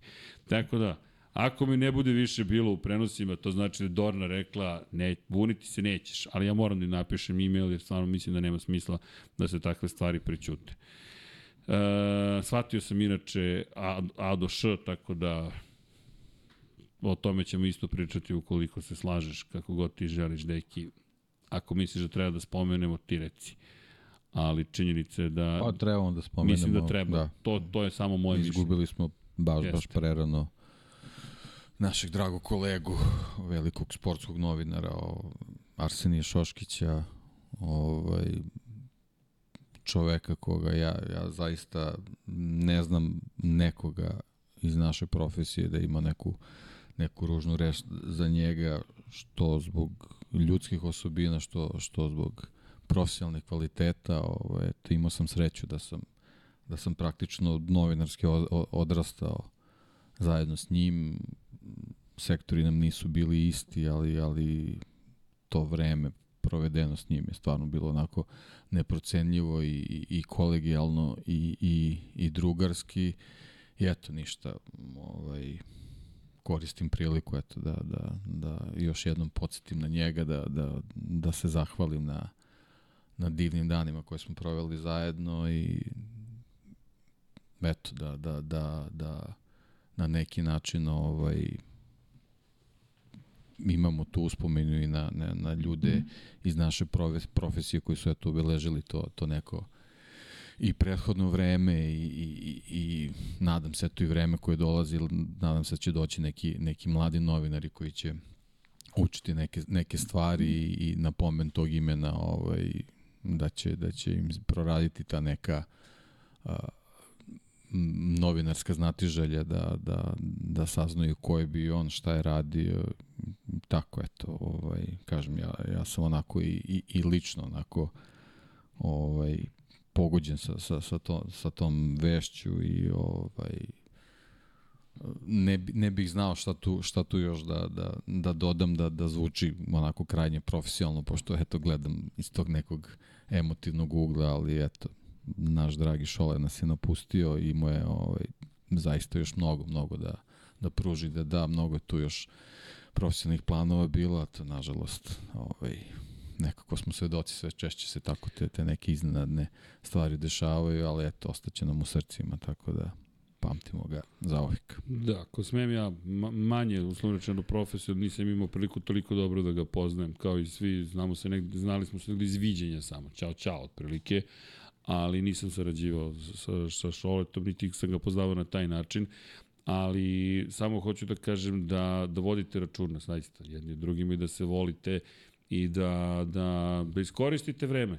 Da, da, da, da apropo Šoleta, nekom bude inspiracija, čovjek se bavi i futbolom i košarkom, nada sve ako mogu Tako pa, da futbol kažem, pre svega, znači ja mislim jedan od, u, u našoj profesiji jedan od, od najvećih stručnjaka za futbol, ako, ako može tako za novinara se kaže.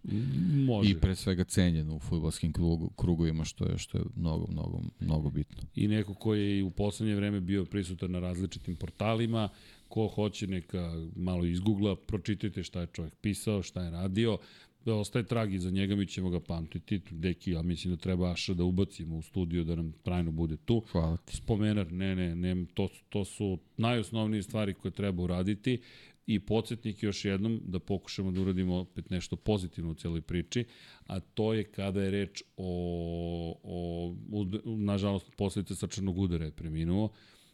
Ljudi, samo malo pažnje, kontrole, inače svim novinarima i svima koji žele da budu u novinarstvu. Samo da vam kažem, naša branša, nažalost, ima mnogo tih situacija gde srce je prvo koje izda, mnogo smo, e, da, emotivni, ali isto tako moramo da vodimo račun o sebi, tako da vas ja pozivam da povedete računa. Vi mladi, vama je sad sve lako i osmeh, ali činjenica je da da, da treba malo da budemo pažljivi prema sebi i kažem, ko želi da se bavi novinarstvom da zna da, da je u rizičnoj grupi, jer ovo, ovo što mi radimo nema radno vreme, kao što možete da primetite, ne možete biti novinar po potrebi. Dakle, e, znaš, vest se desila u dva ujutru, ti kažeš, važi, ja ću devet. Ne. A kada je reč o, o konkretno celoj, ajde, ne, ne, ne o, o, o pamćenju, zaista mislim da to možemo kroz radove i kroz ovo što mi spominjemo i što uvek neki podsjetnik treba da postoji i kada nekoga izgubimo, pa i prerano kao što u ovom slučaju sa Šoletom, mislim da, da, da, da s vremena na vreme treba se podsjetiti i pamtiti neke lepe stvari. Takođe, anegdote i zato mislim da treba isto tako da uradimo jednu bitnu stvar, a to je, znaš šta ćemo da uradimo? Da zloupotrebimo Aleksandra Đankića i Geto i sad ćemo nešto da uradimo, da, da nešto, sad ćemo serijal da napravimo zapravo priča o ljudima koji su u našoj branši, da se ispričamo i da imamo makar te spomenare na YouTube-u, jer mnogo njih nismo stigli da pitamo neke stvari. Deki, moćemo tako nešto? Slažem Ajmo se. da napravimo, jer to nije pitanje gledanosti, neka gleda dva čoveka, nije bitno. Neka negde ostane trag, a neko će kod vas da gleda, pa će to da ode negde u svemir, pa će onda to negde da bude zaovek zapisano u zvezdama. Ili makar neka mi sanjari tako posmatramo stvari. Tako da, Deki, hvala što sad sam shvatio, kad sad sam tek spojio celu priču, tako da Arsenij Šoškić, rođen 1970. godine, čisto da znate, 53, 54. godina života, pre, pre, pre, pre, pre, pre, pre rano. I, o, kao što si rekao, slava mu i, i neki pozdrav sa naše strane i pamtit ćemo ga i naravno sa očišće porodici. I ne zamerite što koristimo priliku, ali koristimo priliku jer o ljudima treba pričati sve. Oh, pojenta jeste zapravo da se bavimo ljudima. Deki, prošli smo u, u novi dan. A u 9 trebamo da se vidimo ponovo, ako si zaboravio. Nadam se da nisi. Nisam zaboravio. Čisto malo da dremnemo. A i da Miksa, da se mora malo da se odmori. Miksa da se odmori? Ne, on je ti rekao, pa ne, nisi ti bio tu juče. Je, pa i sam rekao. Isto, Počeo da trepće isto, simetrično, sad sam primetio. Mislim da... Ne, ne, imam, imam šalu, jeste da ne volim da ih ponavljam. Primetio su komarci odustali od nas. idu na spavanje, ljudi, znaš, najeli su se. Ali, evo ti šala od juče, da kažem ti, ne volim da ih ponavljam, da mi je palo na pamet. Znaš da se ajkule hvale tamo na Maldivima, da su prile sa miksom i preživele. Oh. e, ima, ima... A to je ta boja? To je ta boja. Ima, no, nisam, ima video, ima video dron. On pliva ispod njega ajkule. inspirisao, i neću da pričam koga je inspirisao da uđe u vodu, ali dobio inspiraciju i rekao, moram sad da uđem u vodu vidi baš je za film. I to te vaše što vi volite. prilike je takva anegdota. Ostavit ću Miksi da ti ispriča da ne bude baš potpuno zloupotreba poznanstva, ali pliva čovjek među ajkulama. Ali ja kažem, ne, ne, one plevaju među njim. Oni su dobili priliku da, da ih ne pojede. Ali dobro.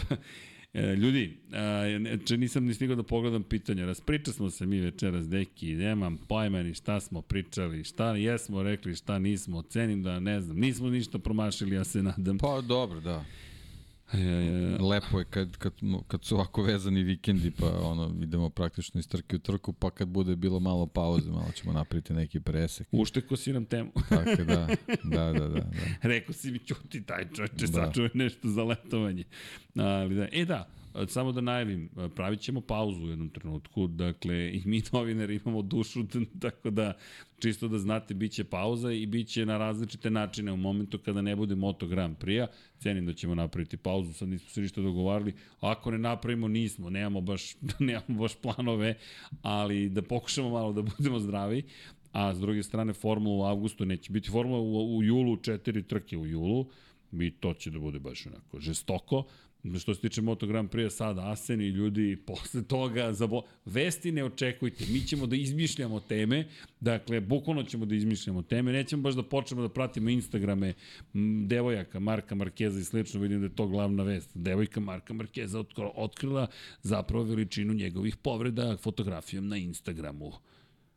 A, ne mogu, zaista, ne zamerite, ne mogu pratim devojke, ne vozača, ne, ne, ne, koliko god da može da se otkrije, ostavit ću to za, za, za neki drugi put. I ima u krajnjem slučaju nekih koji to treba da rade, napravimo kutak, napravimo kutak šta rade lepše polovine vozača. Trač rubrika, žute, žuti lep 76. U žuto ga i kažemo žuti krug. Tako će da se zove. Beki nije zadovoljan mojim razmišljanjem. Ali dobro, očigledno okay. je prošla ponoć, vreme da. je da se gasimo. E, dobro, i neki, ima nekih pitanja, čekaj. Jel, jel... E, ima jedno pitanje postavljeno davno, Boga kad, a, a ja nisam nikako, da. ispratio. Da. da. E sad, a, evo ga. Gašper nam je postavio, to je davno bilo srđane, 7. decembra. 7. decembra, jeste, deki, jeste. ti si, ja se, dakle... Ja se izvinjavam u naše ime. Ali evo, evo pročitat ću celo, može? Aj, molim te, ako Kaže, 7. decembra. Deki, imam jedno pitanjce za tebe i Srke. Kad je već kraj Moto Grand Prix F1 sezone, pa možda ima vremena za neke ovakve stvari. Zanima me, kako oh, bi vas ne. dvojica usporedila Mark, usporedili Marka Markeza i Maxa Verstappena u smislu trkačkog stila, karaktera i mentaliteta? Interesantno mi je bilo čuti ovo, pošto bojice imaju slični put, dolaze u kraljevsku mm. klasu dvoj četvrtočkaša, gde u ovom momentu kraljuju, vladaju višestruki šampioni sveta, po nekome najveći svih vremena Hamilton i Rossi, pa dođu neki mladi klinci, koje godine ovo bilo. ovo nije samo 7. decembar, ovo je... Mm, da, da, da, da. da. E, Srki, Dakle, Zvol. poređenje između Maxa, Mar Maxa, Maxa Markeza, ok, Maxa Verstappena i Marka Markeza u kontekstu istorijskih tih momenta.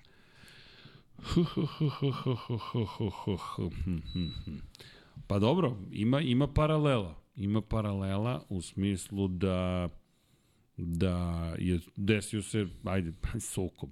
Nemaš ništa da se poredi ljudi sa Valentinom Rosijem i Markom Markezom, njihovim duelom koji se desio 2015.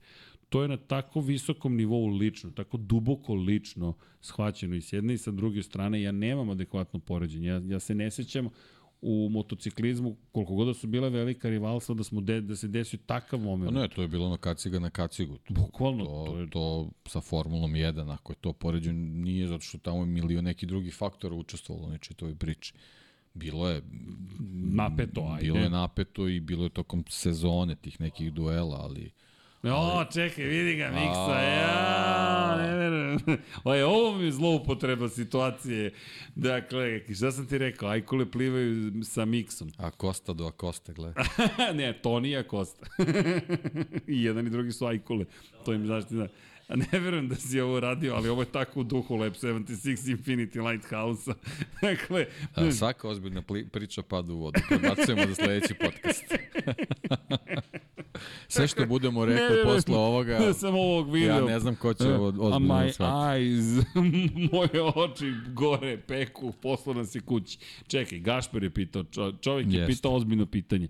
Ali, ajmo ovako, ajmo ovako, deki, sad kradem teme za leto. Ajmo od ovoga da napravimo temu. Ajde. Ajde. Ajde. Ajde da napravimo temu, ali da pozovemo i Paju. Ajde. Znaš zašto? Zato što Paja ima vrlo jasno izraženo mišljenje o Rossi Marquez situaciji. Ajde. Prati Formulu 1, prati, čuj, prati. Dakle, i sednemo i pričamo o tom. Ajde. Okej. Okay. A? Tebe... U svakom slučaju, dakle, Ajkulo, o, Miksa je dobio no... Miksa Ajkula. Jao, pa jel ti smeš da radiš pod kapicom realizaciju? Tamo su delfini. Ajkula sa ljudskim likom. I nadljudskom snagom. Dobro, e, da se ne naljute gledalci. Ljudi, je li okej okay da sad ne uđemo u analizu od 2,5 minuta, jer ako krenemo sada da pričamo Markezu molim. Verstappenu, Hamiltonu, Pazi, to si pitanje ti postavio. Samo da ti samo da ti skrenem pažnju. ja sam ispoštovao čoveka kojeg nismo ispoštovali šest meseci. Ispoštovao sam čoveka Tako da... šest i pol. Morao sam da pročitam. Ne, ne, ne, okej, okay, okej, okay, okej. Okay. Ali, ali dobro, ništa od odmora. Dakle, pozdrav za legenda, da, dakle, ništa od odmora. Deki, nema odmora onda. Dakle, mislim da je vrlo jasno, ali mislim da to, da, da, da je to, ok, odlično pitanje, moramo to da uradimo. Dobro, dobro. Um, evo, kaže, Slovenija ima razvijen Superbike, gosti iz Slovenije. Pre skoro godinu dana smo ostali bez Đorđe Đenića, 26. i on. Da, Master Rima, hvala na tom podsjetniku. Đole, pričali smo o Đoletu. Pamtimo, pamtimo, baš ih pamtimo. I potrudit ćemo se. Na, u svakom slučaju, kada pričamo o, o o ovome što, što, što, što ajde, što je bilo, ne, ne, evo sad mi izašao odloženi snimak i, i opet su se ajkole pojavile. Znači, ne, pogledaj, ne znam te. Dakle, pogledaj, znači, pojavile se sajkole, dakle, ok, uh, Dobro, sad sam se pogubio. Da, ali kratko, Muki Alex, da li je Suzuki pored i drugih faktora takođe shvatio da inline 4 ne može da parirati V4. Shvatili su koliko ga treba, pa i to uticalo na odluku da li će Yamaha raditi isto. Ja mislim da sve ove teme treba da popišemo. Sad se ne šalim. Znate šta? Evo ovako, smislio sam treći podcast, deki, ako ne budemo bili na odmoru. A to su vaša pitanja i odgovori. Klasični... Da, mi vama lepo da najavimo, najavimo kada je podcast kada. i ova, ova pitanja lepo Tako da... je. Ctrl C, Ctrl V i... Da, i da, da, bukvalno, da, da, bukvalno da to uradimo. Dakle, sve ovo da popišemo i da kažemo, jer pazite, uradit ćemo analizu Asena. Posle toga verujte, neće biti ništa da se analizira. Možemo nedelju posle toga da kažemo, sedamo da pričamo Rossi, Marquez, Hamilton, Verstappen, to je ono, mix, ima da uzmemo i da napravimo plavo-crveni okvir za Lab 76, jer mešamo te dve stvari i posle toga da uradimo Q&A, prilike čuvena pitanje, izvinjam se, nisu Q&A, nego P&O, pitanja i odgovori. PIO fond, ko penzioni fond. Dakle, polako miksa, doći ćemo i do tamo. A, trenutno utlivaš s ajkulama, ali... e, tek si viš ajkule u PIO fondu.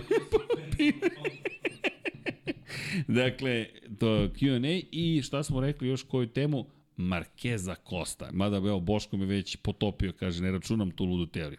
Sa, Srki, uh, Srki, najavljivao si ti duel specijal Marquez Rossi još kada je Stanišić bio gost, a fale tu specijali 99, 27, 191. Pa ja mislim da smo sve odgovorili. Dakle, Jorge Lorenzo dobio specijal, uh, Casey Stoner dobio specijal, pa nemamo toliko slobodnih nedelja. Deki, a mislim da smo sve dobili. Dobro, imamo ovu kacigu Ro, uh, Lorenzovu da stoji ovde ovako. Pam, potpisao je Jorge, Jorge Lorenzo je potpisao i to je to. A imam još jednu luđu ideju šta možemo da idemo.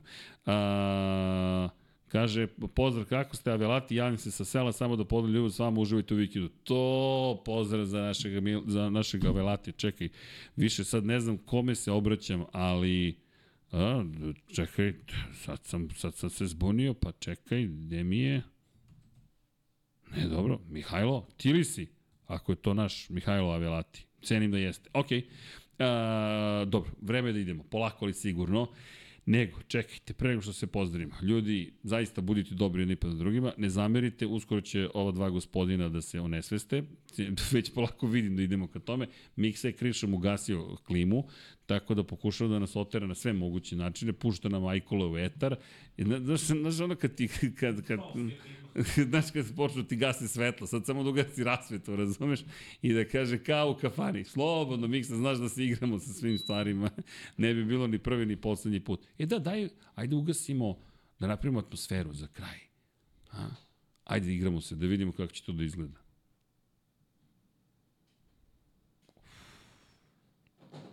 Teki, vidi, vidi gde idemo. Bioskop. E, ovo je dobro. Jel ovo? Ovako je dobro. Ovako je dobro, a? Ovako je dobro. Ovo dobro moramo još da, da smanjimo i top, a? Taman da se odjavimo polako li sigurno. Drage dame i gospodo, bio je ovo Lab 76 broj 319. Mi se nadamo da ste uživali. Bio je posvećen velikoj nagradi Nemačke 2023. najboljoj trke godina. Trke godina. Tako je. O, e, mi sad, već preozbiljena atmosfera, najbolje trke godina.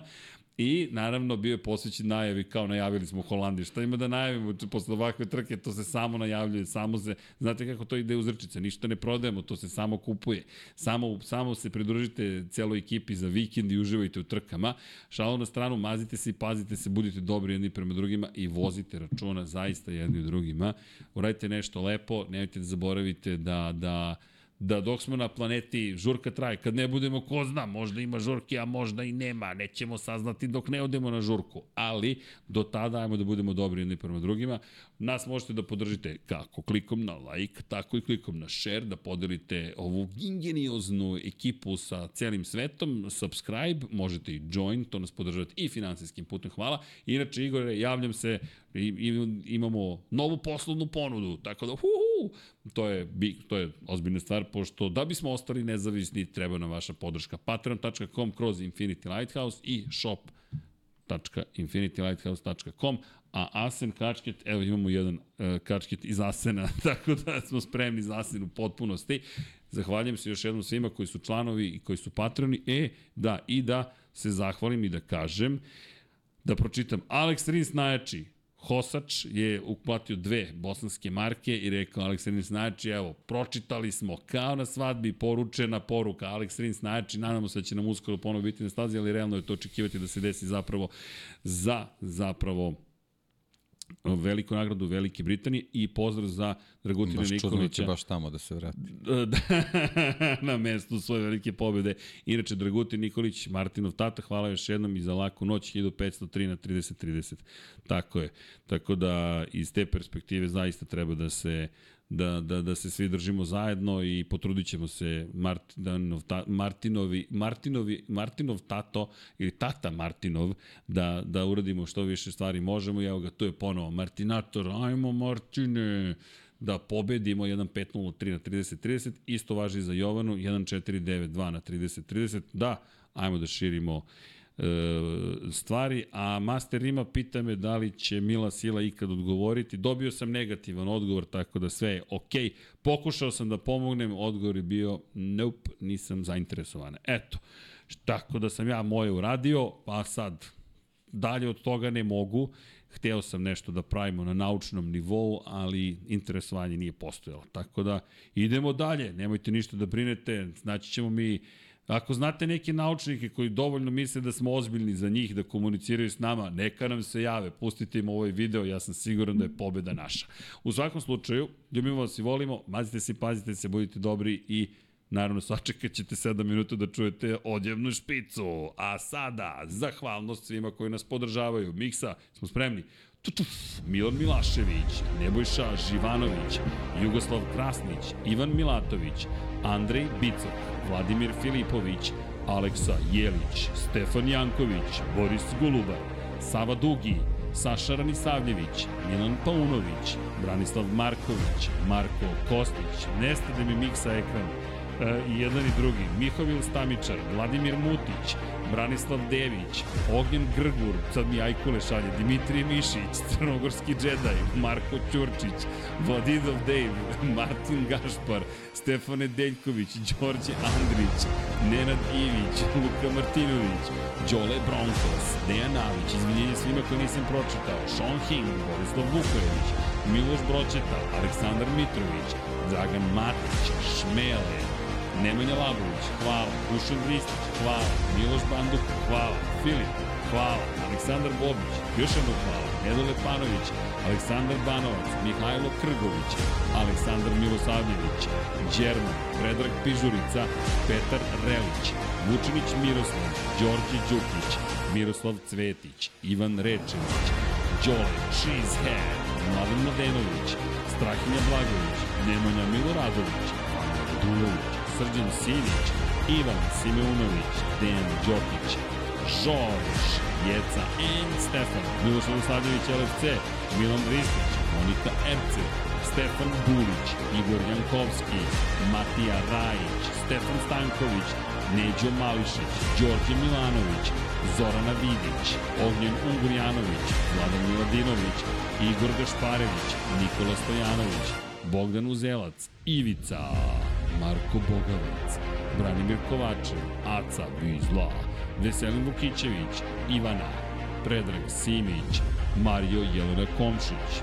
Denis Špoljarić, Borislav Jovanović, Luka, Andrija Todorović, Nikola Marinković, Zoltan Mezeji, Ivan Toškov, Žarko Milić, Ante Primorac, Dorijan Kablar, Boris Gvozden, Vukašin Vučenović, klub štovatelja Ramona Mireza, Optimistik, Josh Allen, Fan, Mladen Tešić, Nemanja, Nikola Grujičić, Vladimir Petković, Toni Ruščić, Aleksandar, Lazar Pejović, Armin Durgut, Branislav Milošević, Aleksandar Čučković, Boris Kujundžić, Marko Hork, Alen Vuletić, Nenad Simić, Milan Apro, Armin, Zoran Majdov, Salim Okanović, Benjo KK, Dejan Vujović ili Benjo Kaka, Antonio Novak, Lazar Hristov, Stefan Milošević, Stefan Prijović, Stefan Vuletić, Stefan Ličina, Aleksandar Antonović, Aleksa Vučaj, Milan Nešković, Petar Nujić,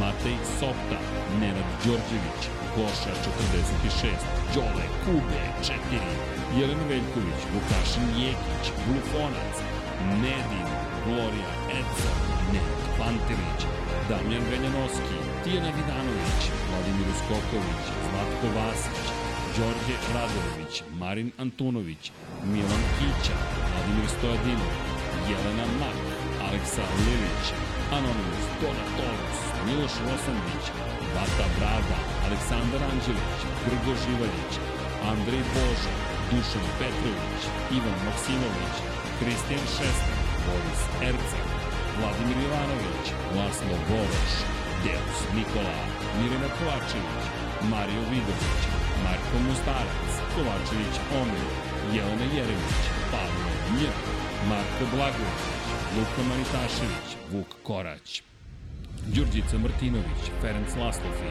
Bojan Mijatović, Stevan Zekanović, Lukas, Ružica Stefanović, Džinji Bao, Igor Vučković, Miloš Rašić, Zoran Šalamun, Stefan Vidić, Danijela Ilić, Nemanja Zagorac, Ljubo Đurović, Kimi Rajkonen, Nikola Božinović, Marko Radanović, Marina Mihajlović, Bojan Majstorović, Sead Šantić, Matija Pinotto, Ivan Vambrisapa, Ivan Maja Stanković, Nikola E, Emir Mešić, Andreja Branković, Stefan Radosavljević, Ljilj Đurović, da žena ne sazna, Nikola Milosavljević, Marko Petrekanović, Novak Tomić, Tina i Ilija, Branislav Kovačević, Miloš Todorov, Jasmina Pešić, Klara Gašpar, Jugoslav Ilić, Daniel Kolobarić, Miloš Vuletić, Stefan Lešnjak, Inzulin 13, Mladen Krstić, Nemanja Jeremić, Darko Trajković, Ivan Panajotović, Borko Božunović, Ognjen Marinković, Marko Marković, Vojin Kostić, Dragan Nikolovski, Mlađan Antić, Bakter Abdurmanov, Marko Kozić, Ertan Prelić, Dušan Delić, Ivan Ciger, Luka Savović, Luka Klaso, Bojan Markov, Bojan Bogdanović, Anonimus, Donatorus, Aleksandar Jurić, Andreja, Mirjana Živković, Andreja Miladinović, Aleksandar Radivojša, Katarina, Jovan Đoda, Donka, Aleksa Valter, Alen Stojčić, Nedim Drljević, Branimir Rijelac, Josip Kovačić, Resničanin, Nikola Petrović, Aleks Vulović, Marakas, Vukašin Vučenović, Vlada Ivanović, Branislav Dević, SS, Petar Bjelić, Ivan Doko, Vojislav Tadić, Josip Buljovčić, Alen Jesenović, Nemanja Cimbaljević, Ejhir, Branko Rašević, Ex Nikola Grujičić, Iver Sarajlić, Jovan Bojanić, Nikola Vulović, Pujo, Aleksandar Nikolić, Milorad Reljić, Kroromi 00, Nikola Grđan, Ivan Vujasinović, Vuk, Kosta Berić, Dinstero, Domagoj Kovač, Vladan Đurić, Lazar Milentijević, Aleksandar Kockar, Uroš Ćosić, Oliver Nikolić, Miloš Zed, LFC, Ivan Božanić, Mađar 007, Bojan Gitarić, Vladimir Vujičić, Ljiljana Milutinović, Miloš Stanimirović, Bakadu, Uroš Čuturilo, Anonimus Donatorus, Ivan Vincetić, Bruno Jurić, Dejan Plackov Plackov, Toni Soni 76, Đera 7, Marko Bogavac, Nikola Adamović, Vladimir Subotić, Bojan Stanković, Sejdo Mujčić, Zlatko Marić, Tatjana Lemajić, Milanka Marunić, Ivan Hornjak, Almedin Ahmetović, Ivan Magdjelinić, Jelena Jeremić, Marina i Milan Knežević, Nikola Niksi, Almir Vuk, Nemanja Bračko, Igor Ilić, Goran Mrđenović, Nikola Kojić, Galeksić, Drago Veković, Vodan Milodinović, Ivana Vesković, Dejan Jarić, Žika Su, Marko Stojilković, Srđan Ćirić, Igor Ninić, Saša Stevanović, Ada Sokolović, Maksi, Bojan Markov, Toleador, Pavle Lukić, Škundra, Nikola Božović, Žiksi, Nemanja Miloradović, Aleksandar P, Nensor Kurtagić, Blagoj Ačevski, Nemanja i Đorđe Janjić, a i Divlji Bučak. Divlji Bučak za kraj, uz još jednom Milana Milaševića. Mislim da se nešto tiltovalo. E, nešto se desilo. A i da li me to neko ušao ili samo vrata? Vrata su odlučili da idu svojim putem. Dajte nam fanfare za odjevu, kolega, molim vas, vreme je da idemo kućama. Vreme je za... Tan, tan, tan, tan, tan, tan, tan, tan, tan, tan. Tako nešto. Ne znam kako imitiram. Nisam siguran baš koja je imitacija muzike. Mik se zaspoja, mislim. Jel živ? Jeste. Mrda. Mrda. Aj kulega pojele ipak. Tum, turum, tum, turum, tum, tum, tum, tum, tum, tum, tum, tum, tum, turum, tum, tum, tum, turum, tum, turum, tum, tum, tum, tum. Deki, zadovoljstvo kao i uvijek, jesi živ? Sa samo, vidi, raduj se, za samo 8 i po sati ćemo se ponovo sresti. Još samo parkinga naći. I bit će baš radosno Da, da. sve. Dragi ljudi, kao što smo rekli, bilo je ovo 319. izdanje podcasta Lab 76 i mi se radujemo 320. izdanju koje će se desiti verovatno u utorak. Inače, da li sam ti rekao da sam danas organizovao da se vidimo sa Ristom Vukovim, a on čovjek za 7 dana dolazi zapravo. Ali to je u redu kada organizuješ sebe, Mars, makar sam poranio 7 dana i to je okej, okay, tako da je bilo zabavno, ali ono što je pojenta, želimo vam laku noć, želimo vam jedno, jedno lepo veče, nadam se da ste uživali, Deki je 100% uživao, dakle od početka do kraja i vreme da vam kažemo Ćao, Ćao, svima. Ćao.